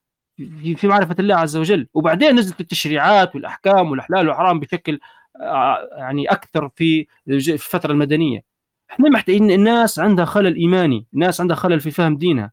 ليش مدراء المدارس والناس والجمعيات ما تتركزش على الموضوع هو تشتغل عليه؟ باقي المساجد الله غالب عندهم يوم في الأسبوع. يعني في اللي ما يركزش في الله غالب. إحنا كمجتمع لازم نعوض الدور هذا لازم نسد الثغر هو أنت كأنك سكرت الفجوه دي ماش بتجيك ماش بيخش لك. أنت عالجت المرض من جذره الله غالب. دكتور إحنا كان عندك مازال حكينا يعني سبل أخرى حكيتي تو مرة ولا نشكو ونبين للناس إن في خطر. حكيتي لنا الموضوع لازم نوقفوا نوقفوا الحملة هذه. نوقفوها هذه هذه أنا نعتبر فيها إذا تم إيقاف هذه الحملة لسنوات قادمة. هذا إنجاز يعني يحقق لوجه الله سبحانه وتعالى وجهاد جهاد إيقاف هذه الحملة يعني. ونبدلوها إحنا خلينا نقول نبدلوها بشيء ثاني. يعني أنا أنا أحكي لك أول ما بدأت هذه الحملة بدأت بمطويات لمرأة سافرة مضروبة وهي على أساس أن هي حملة ضد العنف الاجتماعي. وردت في المطوية كلمة الحميم و يعني اللي هو هذا الصديق و وإلى آخر تلك الأمور. لقد رفض المطوية. شن داروا؟ داروا غيروا شكل المطوية جابوها مرأة محجبة والكلام هو نفس الكلام. وروجت هذه المطوية. لما درنا عليها قصة يا لو نحن واخدين تصريح من دار الإفتاء الليبية. الكلام هذا كان في 2013 12 في الحدود هذه. واخدين نعم. تصريح من دار الإفتاء الليبية.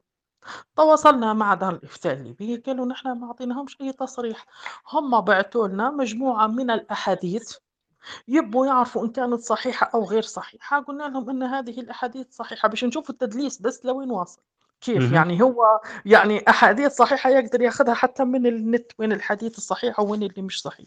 لكن هو باش يبي يدلس على دار الإفتاء إنه هو أخذ تصريح من دار الإفتاء في حين أن دار الإفتاء لا شافت الحملة ولا شافت مطويتها ولا أعطتهم تصريح ولا أي شيء من هذا القبيل. مجرد قلت لهم إنه هذه الأحاديث صحيحة. فقط داروها إنه هذا تصريح لهم. عشان شوفوا بس التدليس لوين يوصل على الناس. وإنه في للأسف شديد ناس واجد ما تتبعش. أعطيهم المعلومة على السريع. آه، نحن تكلمنا الآن على التشكي والتبكي. إيقاف الحملة بتاعت ال 16 يوم آه، ضد العنف القائم على النوع الاجتماعي. أيضا متابعة ما يصدر عن الحكومة في هذا الاتجاه. يعني مثلا على سبيل المثال اللي هو مذكرة لتطبيق القرار 1325 اللي وقعتها هذه آه، وزيرة الدولة لشؤون ال المرأة، للأسف الشديد هذه كانت من أخطر المذكرات إذا تم تمريرها، وحتى هي فيها تدليس، لأن التدليس ما كانش الموضوع كله في ال1325 اللي هو قائم على المرأة في ال ال ال الحرب، اللي هو سلامة المرأة في الحرب ودورها في السلم، ولكن قائم على اللحوات المذكرة. من مخالفات من بينها تبني موضوع هذا اتفاقية مناهضة العنف ضد المرأة القائم على النوع الاجتماعي على طول المذكرة. من بينها أيضا التنمية المستدامة أيضا فيها مسألة مخالفات. والحمد لله نحن استطعنا إيقافها عن طريق القضاء الليبي. يعني ولله الحمد وهي إشادة نشيد بها بالقضاء الليبي وبالمناسبة كانت ضمن هيئة القضاء اللي حكمت في هذه القضية المرأة. وأنا أحيي هيئة القضاء بالكامل في هذا ودورهم في هذا الاتجاه كما أحيي جميع النساء اللي خرجوا إلى مظاهرات ضد هذه المذكرة. كما أحيي دار إفتاء عن دورها الفاعل في هذا الاتجاه. فأيضا مراقبة الحكومة في هذا الاتجاه ما يصدر عنها وهذا دور الشعب في نهاية الأمر في أي شيء يصدر من أجل ماذا؟ من أجل التحرك الفوري آه، كما حدث سابقا. أيضا آه، وهذه نحتاج إليها دورات تدريبية للمقبلين على الزواج سواء كانت مرأة أو رجل. يتم تعليمهم شنو هي واجباتهم شنو هي حقوقهم وبخاصة المرأة شنو هو المسموح ولو إنه هو يدرس لهم الكتاب متاع تحفة العروس. يعني اللي أنا نتمنى إنه هو يكون يوزع حتى مجانا لأي ناس مقبلة على الزواج وليكن حتى هدية دائما يعطى من ضمن هدايانا في إطار الزواج. لأن ما أحوجنا إلى إنه كل شخص داخل مؤسسة الزواج يعرف حقوقه وواجباته الإسلامية تجاه الآخر وأين تقف حدود كل شخص فيهم؟ اتجاه آه، الآخر في هذا الإطار. أيضا دور المنابر لا نغفله هو نحتاجه بقوة في آه، هذا الاتجاه. المسألة الختامية وهي مسألة مناهجنا التعليمية. مناهجنا التعليمية هي للأسف الشديد مناهج كارثية تشوه فكر ووجدان أولادنا. هذا ما أختم به القول. وهناك شكوى وشكوى يتم النظر فيها وإن شاء الله نصل إلى نتائج ولكن الأمر يحتاج يحتاج إلى نظرة أيضا وتحرك من الشعب في هذا الاتجاه لأن أيضا الاتجاه الآخر يضغط وخصوصا أنه مرتبط بقضايا آه، فساد. بارك الله, الله. فيكم على الاستضافة. أنا أترك المجال للأستاذ صلاح ممكن أطلنا عليه كثيرا يعني. الله يبارك فيك دكتور حنان. بس أنا بنعلق واحدة من الحلول الأخيرة بنحط لها تحتها خطين هيك وثلاثة وعشرة موضوع الدورات التأهيلية الحياة الزوجية وموضوع التأهيل الدورات هذه. وممكن تكون حتى نطبق النموذج الماليزي في موضوع رخصة للزواج. ما عادش حد يتزوج يجتاز دورة تدريبية. وهذا باب يعني نخلوه ممكن إلى حواريات اخر أخرى نتكلم عليها غير حبيت ننوه عليه. آه حناخذ تو أخونا صلاح سمحنا عطلنا عليك. صلاح كيف حالك؟ السلام عليكم ورحمة الله وبركاته.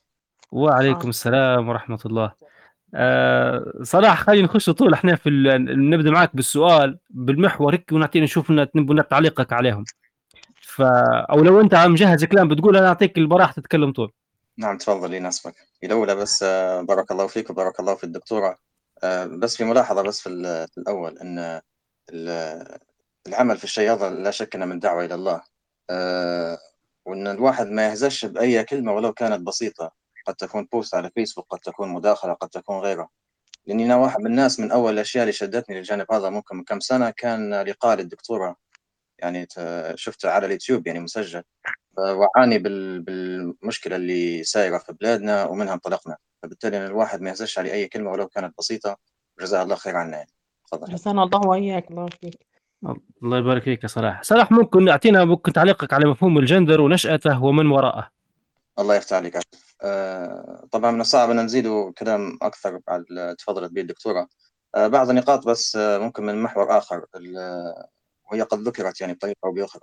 آه نحن اولا أساسا يجب أن نفهم أن أن فيه آه يعني نحن يعني من بين الناس من عنده مرجعية ثابتة ومن عنده مرجعية ثابتة اللي هي مرجعية الوحي من الخالق سبحانه وتعالى وفي من عنده المرجعية اللي هي ذكرناها في حوارية سابقة اللي هي قصة الفلسفة الوجودية إنه هو يعني آه، يحط المرجعية بتاعه آه، بالتالي نحن عندنا منظور للعالم منظور اللي هو منظور كيف ما أوحانا الله سبحانه أوحى الله سبحانه وتعالى عن طريق نبيه صلى الله عليه وسلم فكل شيء نرجع فيه إلى قيمنا وفطرتنا الإسلامية. بينما هناك في ناس آخرين يرجعوا فيه إلى قيمهم هم الشخصية اللي يفرضوا عليها يعني يفرضوا يفرضوا فيها بأنفسهم على أنفسهم. من ضمنها مثلا قناعتهم بقصة التطور الدارويني وقصة أن آه، كل ما سبق هو تخلف وكل ما هو آت هو تقدم. آه، نربط في الشيء هذا بموضوعنا الضياهي لأن مسألة الجندر لو خصصناها الواحدة هي في موضوعنا الحوارية اليوم هو آه، من المفاهيم اللي اللي روج لها ويسعى إلى تأصيلها والإيحاء بأن هي شيء كويس اللي هم من لا يؤمن بالشرع. الجندر طبعا من أسباب ال ال ال الأشياء الكبيرة اللي صارت فيه ومن الأخطاء الكبيرة اللي صارت فيه اللي هو ترجمتها إلى النوع الاجتماعي. من تعريفات الجندر وأنا هنا حنحكي لي يعني متخيل إن المستمع حيكون أغلبيته أو ممكن يعني كل من في المنتدى إن شاء الله يعني هم مسلمين. وكذلك قد يستمع إليها بعدين حتى مسجلة أو غيره أو ممكن نبغى ننقلوا الكلام الناس غير مسلمين أو مسلمين لكن آه يعني بالاسم عموما. آه بالنسبة للجندر أنا عندي المجلس الأوروبي لحقوق الإنسان اللي هو تابع للاتحاد الأوروبي. كيف ما ذكرت الدكتورة أن إحنا لازم نتابع إصدارات الحكومة وكذلك إصدارات الأمم المتحدة ومكتب الأمم المتحدة للسكان والاتحاد الأوروبي اللي قاعدين حايسين في ليبيا. فالمجلس الأوروبي لحقوق الإنسان عنده آه، منشور اللي هو اسمه gender matters يعني gender matters يعني يحكي على أهمية الجندر وكذا. آه، وفي كذلك نفس التعريف اللي هو معرفة يتطابق مع تعريف اللي هو الموقع الحكومة الكندية. آه، ولا شك طبعا أكيد جميع الليبراليين ماشيين بنفس الشيء. اللي هو باختصار بس إنه هو يحدد الجندر ما تلقاش إنه هو يقول لك النوع الاجتماعي لا. فيحدد لك إنه هو عبارة عن رولز آه، آه، أدوار وسلوك وأوصاف وهويات ل يعني البنات يعني للبنات والنساء والأولاد والرجال and gender diverse people والناس اللي هم في الطيف الجندري. بعدين يقول لك في بقية التعريف هذا من موقعهم أنا ما نجيبش فيه من كتاب التاريخ بتاعنا فبالتالي يقول لك إن الجندر هذا هو يحدد كيف يعني لو نترجمه يعني مباشرة فوريا إنه هو يحكي إن كيف إن آه، الناس تعرف نفسها وتصنف نفسها في خلال المجتمع أو من ضمن المجتمع. آه، في شيء اسمه الجندر identity اللي هو الهوية الجندرية اللي هو كاتبين هيك بالإنجليزي أنا حنحكيها بعدها حنترجمها. gender identity is not confined to a binary nor is it static. يعني ما هوش binary binary اللي هي الثنائية ما هوش رجل ومرأة أو ذكر وأنثى ولا هو static ولا هو ثابت. تمام؟ It exists along a continuum and can change over time. هو موجود في في صفة استمرارية وبامكانه أن يتغير مع الزمن. آه طبعا نحن حكينا في نقطة في, في الأصل الجندر أو ما حكيناش عليها. أنت اشرت لها في آه، فيديوهات دكتور إياد قنيبي. إن أصل الجندر هو آه، يعني في الأول كما هو معلوم إن نحن عندنا ذكر وأنثى فقط. بعدين جت قصة الجندر عن طريق الدكتور جون ماني أو من أحد يعني مصادرها. الدكتور جون ماني حكينا عليه برضه الحلقة السابقة اللي سبقت فيديو دكتور إياد قنيبي اللي هو كان مدير عملية في ال 55 فيما اعتقد في الخمسينات القرن الماضي. عملية لشاب اسمه ديفيد رايمر فشلت العملية منها بدا عنده الفكرة بتاع لي أنا بدل ما هو يعبر عن الفشل بتاعه طلع بمصطلح الجندر فقال إن لا إن هناك في الجنس اللي هو الذكر والأنثى اللي هن الصفات البيولوجية فقط اللي موجود بين الإنسان. وهناك الجندر اللي هو اللي يشمل حاجتين اللي هن الهوية الجنسية والتوجه الجنسي. سامحوني معلش مع احترام لكن لازم نحكوا فيها. آه فتكلم إن الجندر هو عكس وغير الجنس. قد يولد الذكر ويكون عنده هوية أخرى وقد يكون عنده توجه آخر كذلك للأنثى. فبدأت مع جون ماني جون ماني هذا القاتل. اللي هو آه اللي تسبب في مصيبة للشاب ديفيد رايمر والقصة المعروفة اللي هو بعدين انتحر وكذا وهنا يفضل الرجوع إلى فيديوهات دكتور إياد قنيبي بالخصوص. أو البحث بس في ويكيبيديا أو مصادر أخرى عن ديفيد رايمر. آه ديفيد رايمر هو هو اللي آه أو أحد اثنين أو ثلاثة المسؤولين على استعمال مصطلح الجندر في الأدبيات العالمية خلينا نقوله. وكذلك هو أول من أسس مستشفى للتحول الجنسي sexual reassignment في مدينة بالتيمور في ولاية ماريلاند شمال واشنطن دي سي. تمام؟ ساعتين بالسيارة الناس اللي في أمريكا. يعني هذه حقائق قاعدات عندي. طيب آه في مصطلح آخر كذلك يسمى فيه الجندر constancy اللي هو استقرار الجندر. آه اللي هو نظرية أخرى من ضمن الجندر اللي هو النوع الاجتماعي اللي هن الدورات اللي عندنا في ليبيا يسموا فيه الاستقرار الجندر. استقرار الجندر كيف؟ يقول لك إن قديما قديما يعني يعني ترمز إلى التخلف. قديما كان يرى إن الذكر له أدوار معينة والأنثى لها أدوار معينة. والأدوار المقصود بها هنا الهوية الجنسية والتوجه الجنسي. بقية الأدوار هذا شيء ثانوي آخر. آه لكن الآن في ال modern times في الأوقات المعاصرة الحديثة آه لا يعني أصبح عندنا طيف من الجندر وطيف من الطيف من الأوصاف. وصل الأمر بالنسبة للجندر وبالنسبة للنوع الاجتماعي وصل الأمر حتى للأسماء وللضمائر يعني أنا قاعد مقيم في كندا والإخوة اللي مقيمين برا أو اللي طلعوا برا أو حتى يعني قاعد في وين ما أنا لكن متابع للي ساير إن الوصول للامر كل حتى للأسماء. يعني, يعني في تهم في ناس دخلت السجن بس لأنه هو آه، أخطأ في وحدة قال لها انت فلا المفروض قالت لها تعطيني يعني ضمير آخر أو غيره. في قصة مشهورة هنا في كندا من كم شهر. الشاب اللي هو عمره 16 17 سنة في مدرسة ثانوية. بس هو خلال المحاضرة قال إن لا يمكن للشخص إنه هو يولد بأكثر من من نوعين. لا يمكن. وكذلك كان عنده بعض يعني وقف مع بنات في قصة يعني قصة نستحي حتى من ذكرها الله المستعان. لكن الشاهد إن الموضوع آه، وصل للأسماء. وصل حتى للضمائر. بيرس مورغان بيرس مورغان المذيع المعروف عنده لقاء من فترة بسيطة جدا مع أحد من الناشطين أو الناشطات مانيش عارف الجندريين.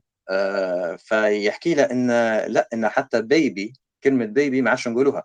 المفروض نقولوا له ذيبي ليش؟ علشان العيل نعم للأسف هذا الموضوع اللي واصل يعني.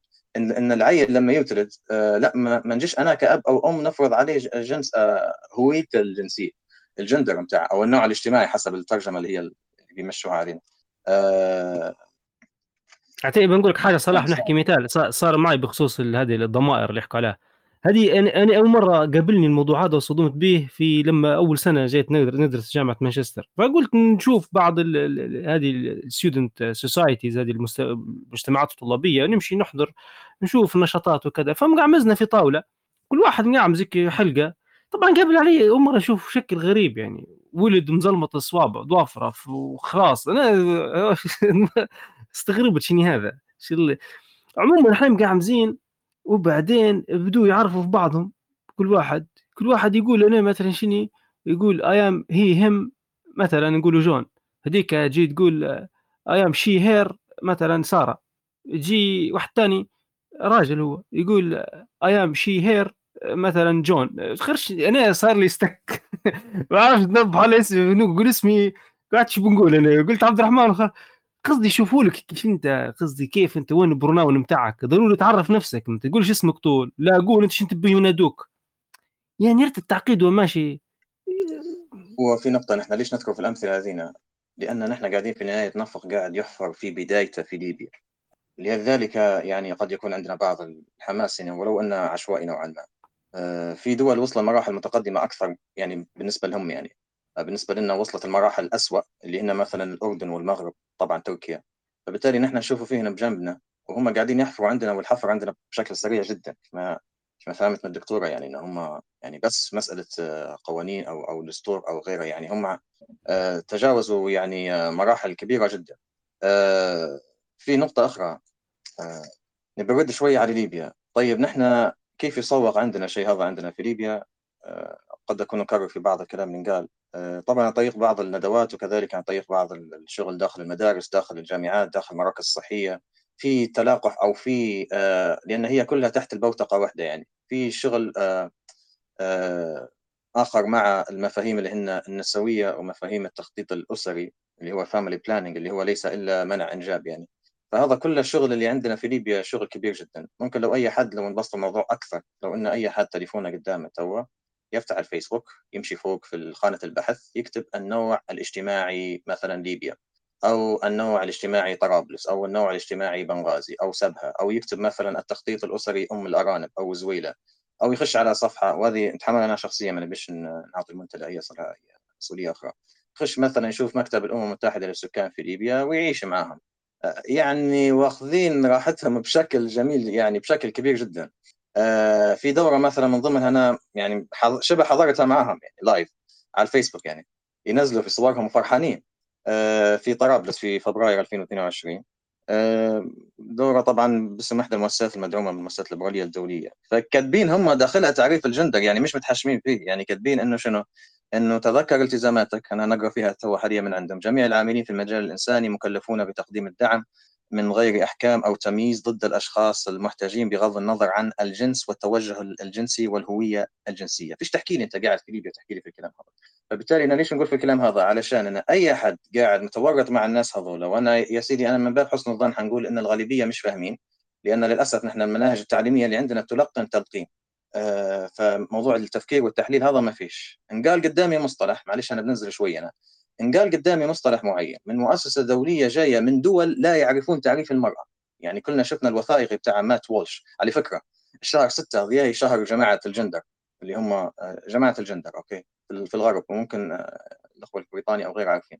آه، في تويتر من كم يوم يوم 1 6 كان أكثر هاشتاج ماشي what is woman من ما هي المرأة؟ اللي هو إيش؟ إن الفيديو الوثائقي بتاع مات وولش اللي هو الأمريكي اللي انتشر من فترة اللي هو فضح إن الغرب ما همش عارفين تعريف للمرأة بينما الدول الأخرى أو أو الشرق أو اللي هم يشوفوا فيهم متخلفين عندهم تعريف بسيط للمرأة تمام؟ فكذلك يوم واحد ستة مثلا في كندا وفي بعض الدول الأخرى حسب جت المعلومة لكن في كندا عندنا هنا يوم واحد ستة آه، أولياء الأمور المسلمين والنصارى وغيرهم آه، منعوا أولادهم أو من هم يمشوا للمدرسة في أول يوم يوم واحد ستة. ليش؟ من باب الاحتجاج على شهر ستة اللي هو شهر جماعة الجندر هذول. فأنا نتأسف حقيقة نتأسف لما نلقى إن ناس في الدول اللي هم يقولوا عليها لب... واللي هي ليبرالية جدا مش يقولوا عليها هي جدا ليبرالية وكذا لكن قاعد عندي بعض من الوعي تجاه هذه المفاهيم وفي هناك نوع من الرفض ولو إنه هو على مضض. بينما في دولنا نحن بما فيها ليبيا الأشياء هذين واصلين به لمرحله متقدمة جدا. آه، محاولة يعني سن قانون وتدخلت فيه يعني بارك الله فيه الأخوات من ضمنها الدكتوره جزاها الله خير ومنعوها عارفين الشيء هذا. لكن ما زالوا ما زالوا المناهج الدراسية برضو بارك الله فيها مش مقصرين لكن ما زالوا ساكنين. أنا شفت لو تراجعوا موقع الأمم المتحدة مكتب الأمم المتحدة في ليبيا فيما اعلم آه عموما واحدة من مواقع الأمم المتحدة كاتبين اللي هم الرؤية متاعهم في 2025 في ليبيا. لا كاتبين إنه هو آه يعني يعني في 2023 أو 2022 ما فيش موضوع النوع الاجتماعي في المناهج الدراسية لكن خطتهم في 2025 إنه هو يكون موجود. فالناس هذول قاعدين يشتغلوا. يشتغلوا يعني بكل أريحية. آه نعم تفضل أخوي عبد الرحمن في نقطة معينة. بارك الله فيك. هو أنت حكيت عليه ندم من آخر كلام قلت هم يشتغلوا بأريحية. ليش؟ لأن في فراغ. مش لأن والله إن هم أقوياء ولا عندهم شيء. هو أنت تخلي الفراغ بيتعبى. حتى الفيزياء تخلي الفراغ بيعبيه. آه، فإحنا محتاجين إن نكون واعيين بالموضوع هو. يعني المدة الماضية تو هذه اليومين الأخيرات عجبني الأستاذ أحمد دعدوش مدير زوز حوارات يتكلم على مشكلة هي يتكلم في الغرب لكن تلمست منها درس ممكن إحنا نستفيدوا منه. هو لما جو شافوا الموضوع هذا بتاع الجندر وانتشاره في الدول الغربية وخاصة نشوف المسلمين كيف يتعاملوا معاه الموضوع هو. قال لك للأسف لقينا فيه سلبية. يعني المسلمين مش واخدين الأمر إن هم ياخذوا يعني يتبعوا الإجراءات القانونية ويعلوا صوتهم ويديروا عرائض ويظاهروا مع إن القانون يسمح لهم.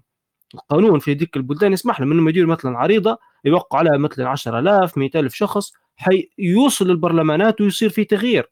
فهو يعاتب فيهم وينكم راقدين بيقول لك حتى اليهود المسيحيين المحافظين منهم أنظارهم الآن متجهة تجاه المسلمين يقولون بالله ينقذونا يعني هم نفسهم حتى هم في بعض اليهود المسيحيين ضد الموضوع هو.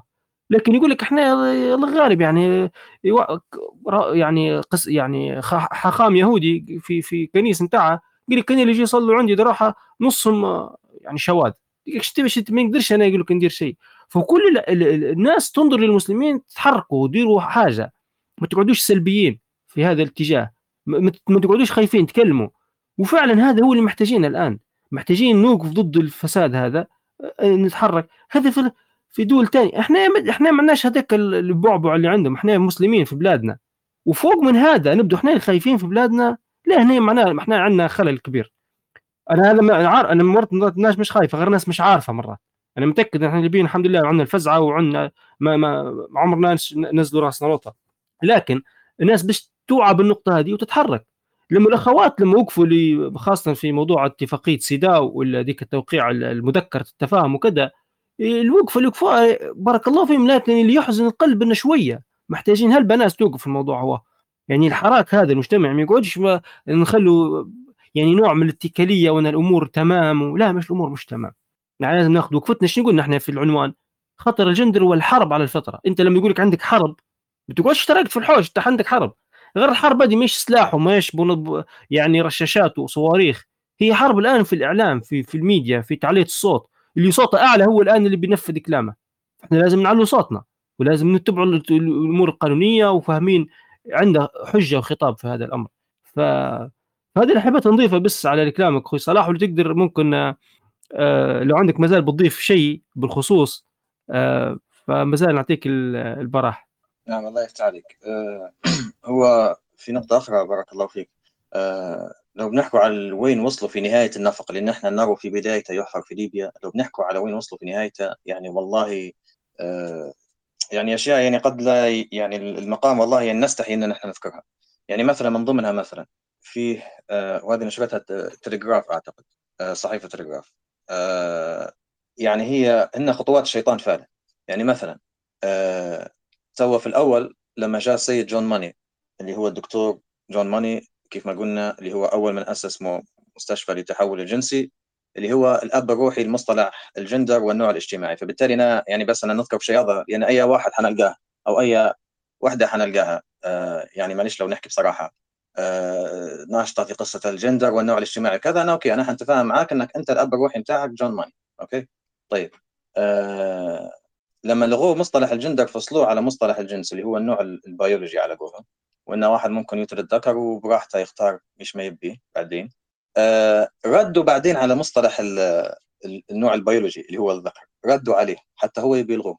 أنا عندي في تلغراف في صحيفة تلغراف كما ذكرت عندي خبر إن الآن في دراسة دارت بين آه يعني مشتركين فيها دكاترة اللي هم التطورية تمام؟ ال evolutionist آه، في أمريكا وفي كندا إن هم يقترحوا إن بدل ما نقولوا male و female على المولود إكس واي واكس إكس الجينات اللي هن الاكس واي والاكس إكس اللي هن الكروموسومات بتاعت الذكر والأنثى. لا نقولوا هذا آه، إنسان يعني منتج للشيء الفلاني وإنسان منتج للشيء الفلاني.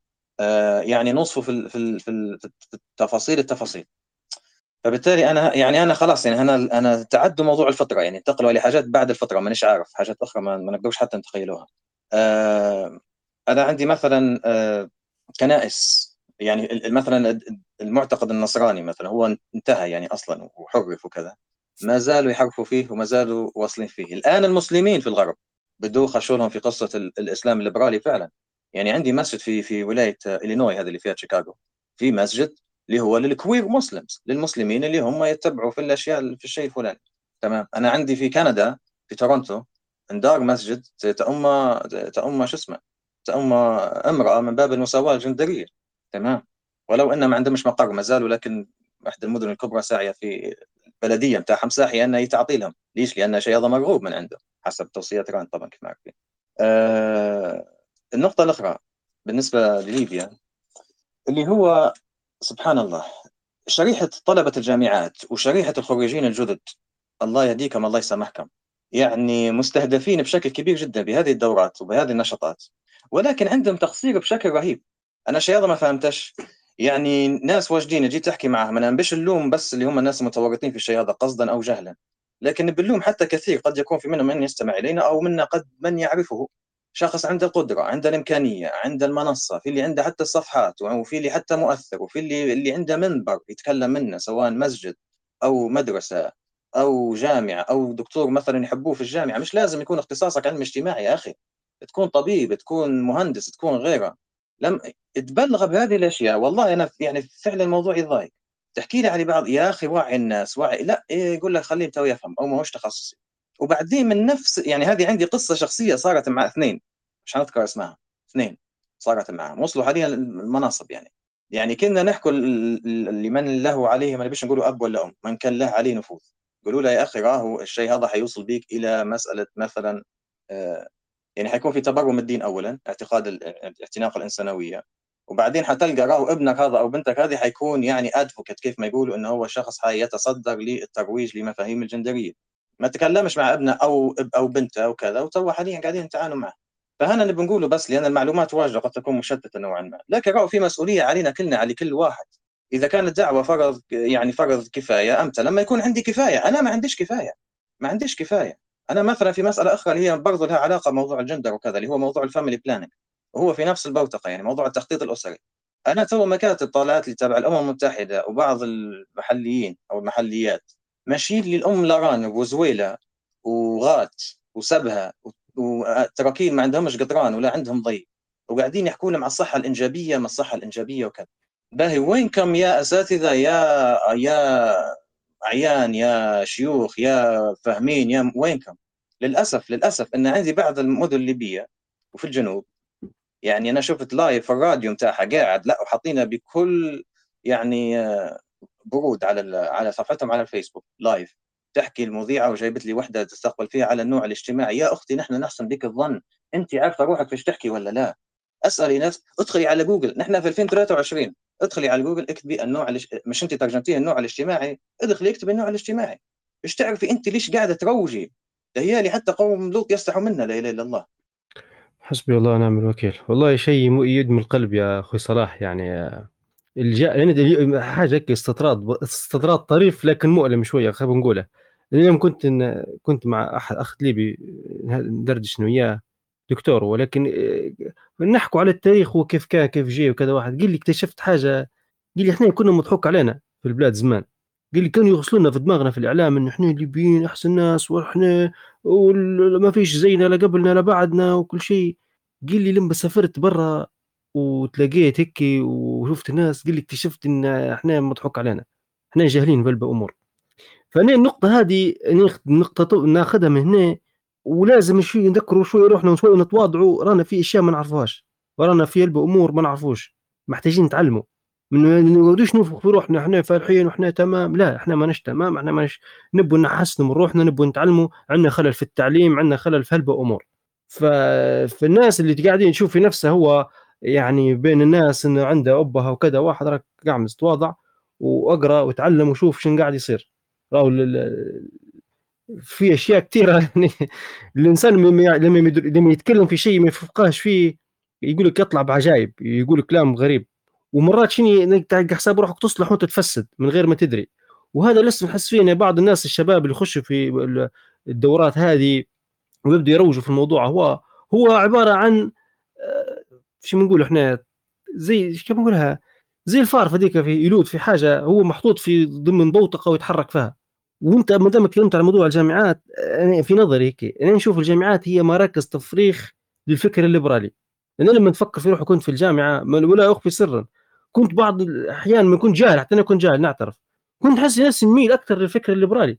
ليه هدول حرية ليش هيك تضيقوا عليهم أحرار وناس ما ضرش حد كذا. تلقى روحك أنت بعدين تكشف إنك أنت جاهل بدينك ماكش عارف دينك صح. وأنت مش فاهم شنو الليبرالية ومن وين جت وعلاش وشنو المآلات نتاعها ومن وراها ومن يمول فيها والدورات والورك شوبس اللي كنا نحضروا فيهم مين كان أصلا يمول فيهم؟ وعلاش خشوا للبلاد؟ هل بأشياء الشباب محتاجين يفيقوا بها؟ فنسأل الله السلامة والله. صلاح شو مسافة تعلق؟ آه معلش أنا عارف يعني شوية خطابي حماسي أكثر منها معلومات. أنا نبغى شوية حماسي. ما دكتورة حناش قالت قالت نبغى نشكو نعم خش هو يعني إذا حضر لنا بطلة سيم وجود دكتورة حنان مش حنقدر نضيف أكثر معلومات وكذا امانه بس هو يعني إن نحطه كل حد قدام مسؤوليته هذه مسؤولية الجميع. نحن للأسف النظام الريعي الاشتراكي هذا أو اللي هو اللي أشبه بالاشتراكي. وما لو اني من بيخش نفهم خش في السياسة واجد. لكن تعودنا عليه إن نحن كل حاجة تجينا طيبه فلا نستنى لعند والله حد من كلية الشريعة أو من كلية القانون يبي يدير لي الشغل. يا أخي الشغل خش لك الم... نحن لو لو في الحوارية بتاع لو لو حد من الأخوة ما استمعهاش يعني أتمنى إن هو يستمعها اللي هي اللي كان بخصوص المنظمات الليبرالية اللي في ليبيا اللي قبل رمضان. آه ذكرنا إن مثلا من ضمنها إحدى المؤسسات اللي هي كانت تنشر في موضوع الزواج لأقل من 18 سنة والقصة كيف هذه إن هم كاتبين في موقعهم إن هم في 2018 خشوا مش عارف عدد مدارس ليبية معينة آه حكوا مع 460 آه طالبة في هاي سكول في مدرسة ثانوية. آه، على موضوع زواج القاصرات وكذا. وحكينا وقلنا يا ناس راهوا يعني ناس جايين من دول لا يعرفوا تعريف ثابت للمرأة جايين في ليبيا الدولة المسلمة يحكوا لي لي بناتنا مش عارف أنا يعني في حاجة خصوصية أكثر من هيك ولا يعني يحكوا لبناتنا اللي في الثانوي إن لا والله زواج القاصرات مش عارف كذا بحسب مفاهيمهم هم. وفي نفس الوقت الأمم المتحدة والنقطة هذه نعودها من الحوارية اللي فاتت إن الأمم المتحدة أو مكتب الأمم المتحدة للسكان ال UNFPA ولهذا المفروض نحن نلزوه. والله يعني هناك الله المستعان. يعني من فترة بسيطة كنت نحكي مع واحد هو منصر هنا في الشارع باهي. preacher هو هناك منصر ماسك مايك ويغني Jesus Jesus لا إله إلا الله. المهم جيت نحكي معه. أه فقعدت نسأل فيه عن نشاط نشاطا كنائسا كنائسا اللي في الغرب. تمشي للدول الأفريقية تلحق تلحق تلحق حرفيا تلحق في مكتب الأمم المتحدة للسكان وبعض المؤسسات الليبرالية اللي هن يسوقا لمفاهيم الجندر. ويسوقا لقصه التخطيط الأسري ما يسمى التخطيط الأسري. طبعا مصطلح جميل هو كيف سبيل الرشاد نتاع فرعون. التخطيط الأسري اللي هو إيقاف الإنجاب أو الحد من الإنجاب. أه تلحق فيهم الكنائس والمشنريز بتاعهم هذين الحملات اللي هن التنصيريه بعنوانها. لكن يلحق فيهم في داخل القرى مثلا في حالة غانا تمشي داخل القرية. هذه جوها المكتب الأمم المتحدة للسكان. لموا مع لموا الصبايا وقالوا لنا وكذا ضروري وانت وحياتك ومش عارف شنو وكذا. وهاكي حبوب منع حمل تمام بالبلاش يطلعوا يلحقوهم الحملة الكنيسة هذيك تلحقهم داخل القرية وتقول لهم لا وتزوجوا وديروا مش عارف شنو وهاكم فلوس وعيشوا ونغنوا باهي وين أنا في ليبيا الشيء هذا؟ أظن الناس اللي يقولوا يعني المشركين اللي يعبدوا في اللي يعبدوا في في صليب نسأل الله سبحانه وتعالى يثبتنا على دينه. طيب وين نحن؟ لا نحن شاطرين نتحاربوا في بعضنا تنافسوا على على مناصب يا أخي تنافس على مناصب لكن عدي لحق على على الشغل. دول تشيلي كولومبيا. تشيلي عندها مظاهرات في 2019 في الشارع معلقين أوراق في الشارع لا لإيديولوجيا الجندر. مش ما حد يجيني في ليبيا ويقول لي لا هو النوع الاجتماعي وهم لا في ليبيا الرجل والمرأة لكن برا ليبيا ما هوش الرجل والمرأة. منو أنت يعني؟ شنو الامم المتحدة؟ تو ليبيا من بين 200 دولة. تبي تعطيك عنوان خاص بيك يعني؟ تشيلي كولومبيا عندها مظاهرات مشهورات ممكن تدوروا عليها في في الجوجل في 2019 مضادة لايديولوجيا الجندر يعني مش نحكي على روسيا مش نحكي على سلوفاكيا والمجر اللي هن دول أوروبا الشرقية اللي هن محافظة مقارنة ب بالثانيين أنا عندي في أمريكا في أمريكا في راسها من غادي عندي نشاط كبير جدا ضد ايديولوجيا الجندر أنا من فترة بسيطة كان عندي مظاهرات ضد مثلا قصة الإجهاض وتغيير الجنس وغيرها. أنا عندي مقال برضه نشر في في شهر أبريل شهر أربعة اللي فات هذا. آه معلش أنا نسيت صحيفة لكن هي صحيفة معروفة قد تكون نيويورك تايمز. آه ممكن البحث عنها يعني. آه إنه الآن قعدوا يغيروا في بعض القوانين الطبية بحيث إنه يسمح للطفل إنه هو يغير جنسه من عمر أربع سنوات. طيب أنا لما ننظر لها كمسلم حنتضايق لكن لما ننظر لها إني أنا معتقد بقصة النوع الاجتماعي وإن كل حاجة عندي مبنية على النوع الاجتماعي. مفروض إني نقبلها. مفروض إني نقبلها. ليش؟ لأني أنا مؤمن بقصة النوع الاجتماعي وبقصة الجندر وكذا. ختاما آخر حاجة. لو في ناس وكذلك الرسالة هذه تنتقل كيف ما هي؟ باهي لجميع الأخوات. للأسف أكثرنا أخوات. وللإخوة. وللآباء اللي مخلين بناتهم أو زوجاتهم أو وغيرها أنا لما تقام عندي دورة ومن تو كيف ما قلت نفتح الفيسبوك ونكتب النوع الاجتماعي طرابلس سبها وين ما مدينتي قاعدة. باهي حط في بالك يا اخ يا يلي ماشي أو يلي ماشي. عارفين إن في جشع وفي حب للتصوير وللسيلفي وللندوات وبيش تعبي ال CV بتاعك بندوات في أي حاجة وكذا عموما. لكن يا أخي خلوا فيها شوية عزة نفس. خلوا فيها شوية عزة نفس فيها شوية شرف في شوية أدب. هيك بكل هذه يتحملها أنا مسؤولية صراحة الدين شخصية. أي حاجة لما يقول لي العنف المبني على النوع الاجتماعي أو التمييز المبني على النوع الاجتماعي أو مانيش عارف المبني على النوع الاجتماعي أنا يعني تعال نحكي معك في التعريف النوع الاجتماعي. هل أنت تبي تقولي إن النوع الاجتماعي هذا رجل ومرأة؟ طيب ليش ما قلت لي من الأول التع... العنف ضد المرأة؟ أو العنف ضد الطفل أو اللي هو.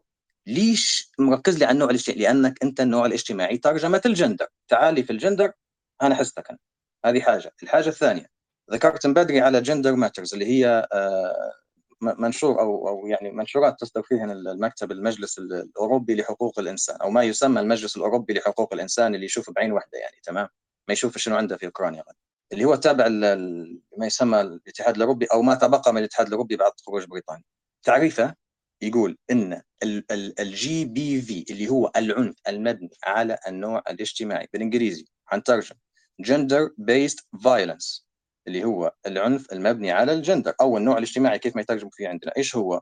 يقول لك refers to any type of harm أي نوع من الأذى that is uh, perpetrated against a person اللي هو يعني يكون ضد شخص أو مجموعة من الناس because of their factual or perceived بسبب uh, جنسهم أو الجندر بتاعهم أو الهوية الجنسية أو التوجه الجنسي الحقيقي أو المتصور.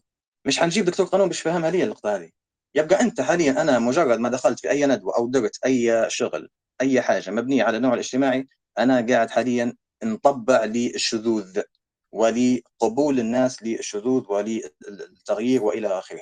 قد نراه قد يعني بعض الناس يقول لا مستحيل يصير توا لا مع الوقت حيصير مع الوقت حيصير.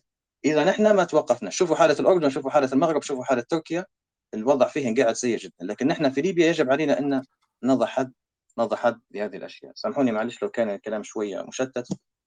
الله يبارك فيك. بارك الله فيك بسرعة وجزاكم الله خير إن شاء الله. الله يبارك فيك يا صلاح جزاك الله كل خير. آه بس تعليق على موضوع إحنا تو انت بارك الله فيك في الكلام آه حاولت تحل اللغز نتاع الصورة اللي مختارينها في الغلاف. اللي على اليسار هذيك صورة جون موني هذا المجرم اللي هو سبب في موضوع ظهور الجندر هذه والفكر الجندري كله مبني على آه، تجاربه الخاطئة اللي العلم أثبت أنه فعلا هو مدير يعني خطأ في الجانب هذا.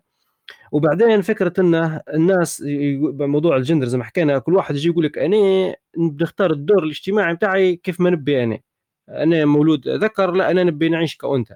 وزي ما نقول إحنا لواحد يقدر مخنت وين يوصل التداعيات هذه؟ توصلنا اللي ما حاطها في الصورة الثالثة على على اليمين. اللي هي تبدأ في بعض الناس في الدول الغربية يجي يقول لك أنا نحس في روحي قطوسة أنا نحس في روحي حشاكم كلب. فأنا بنعيش بالشكل هو. تمام؟ تو إحنا نضحك ونقول هذا مهبول وكذا.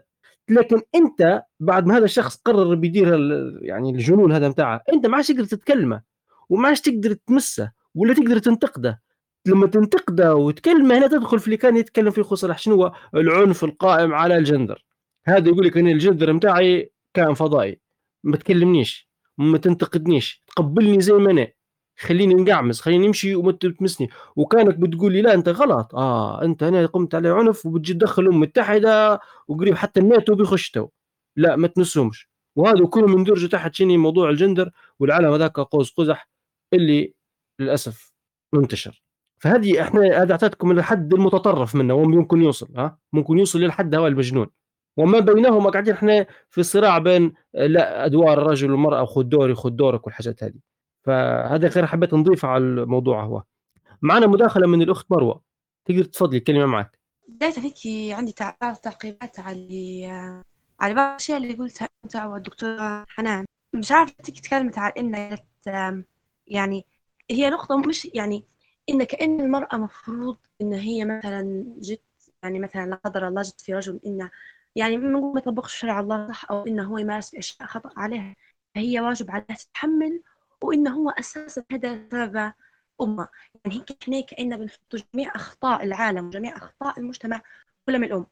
أنا عن نفسي كشوف ان طبعا آه، موضوع ان الجندر وموضوع كلام قلتوك صحيح طبعا يعني أشياء خطا وان كلها يعني مش لدينا وما إلى ذلك من الكلام فعلا صحيح.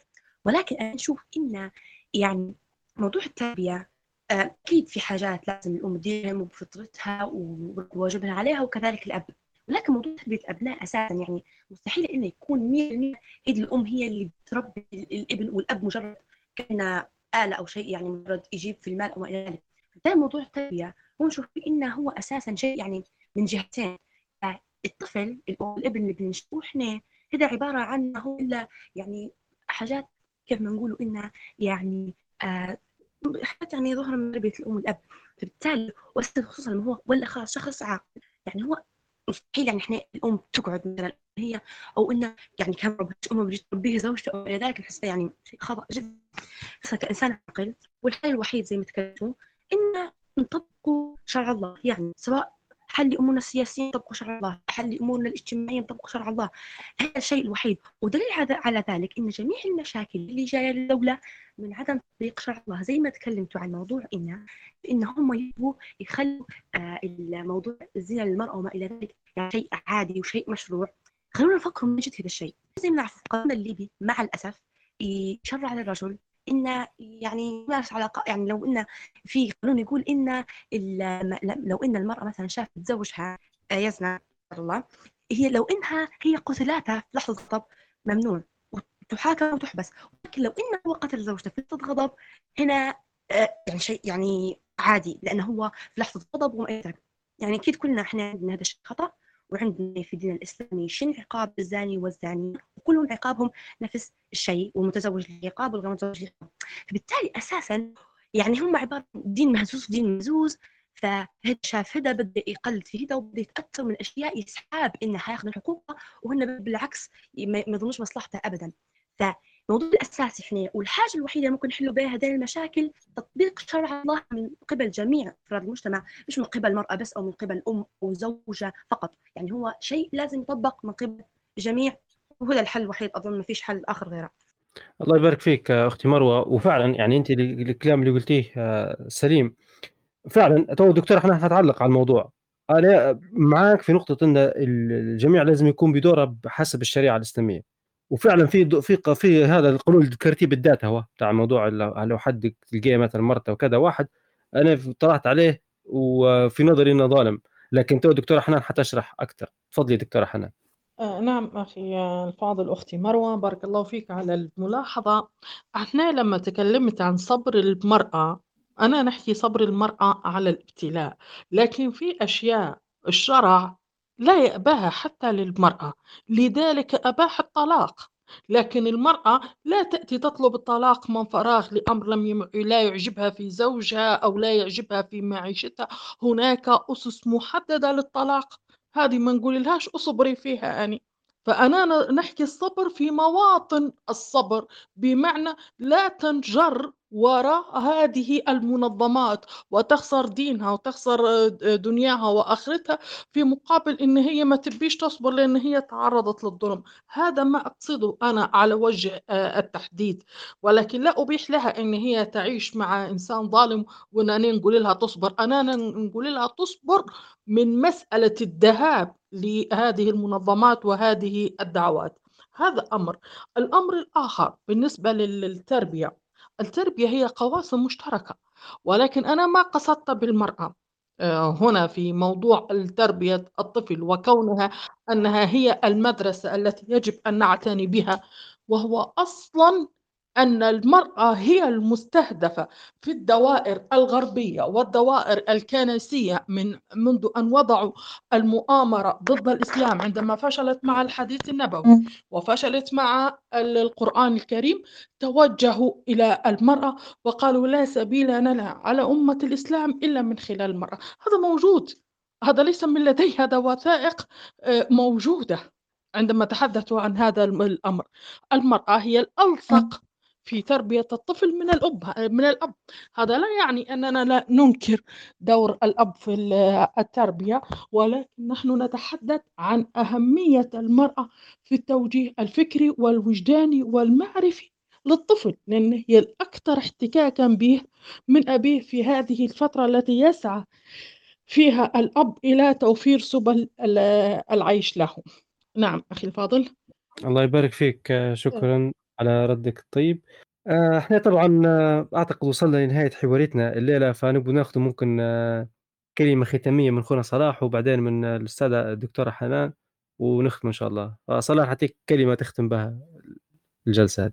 نعم جزاك الله خير أولًا بارك الله فيك وبارك الله فيك في الدكتورة وبارك الله في الدكتورة نحن نحتاج يعني الاستماع لكمية المعرفة اللي عندها يعني بشكل أكبر.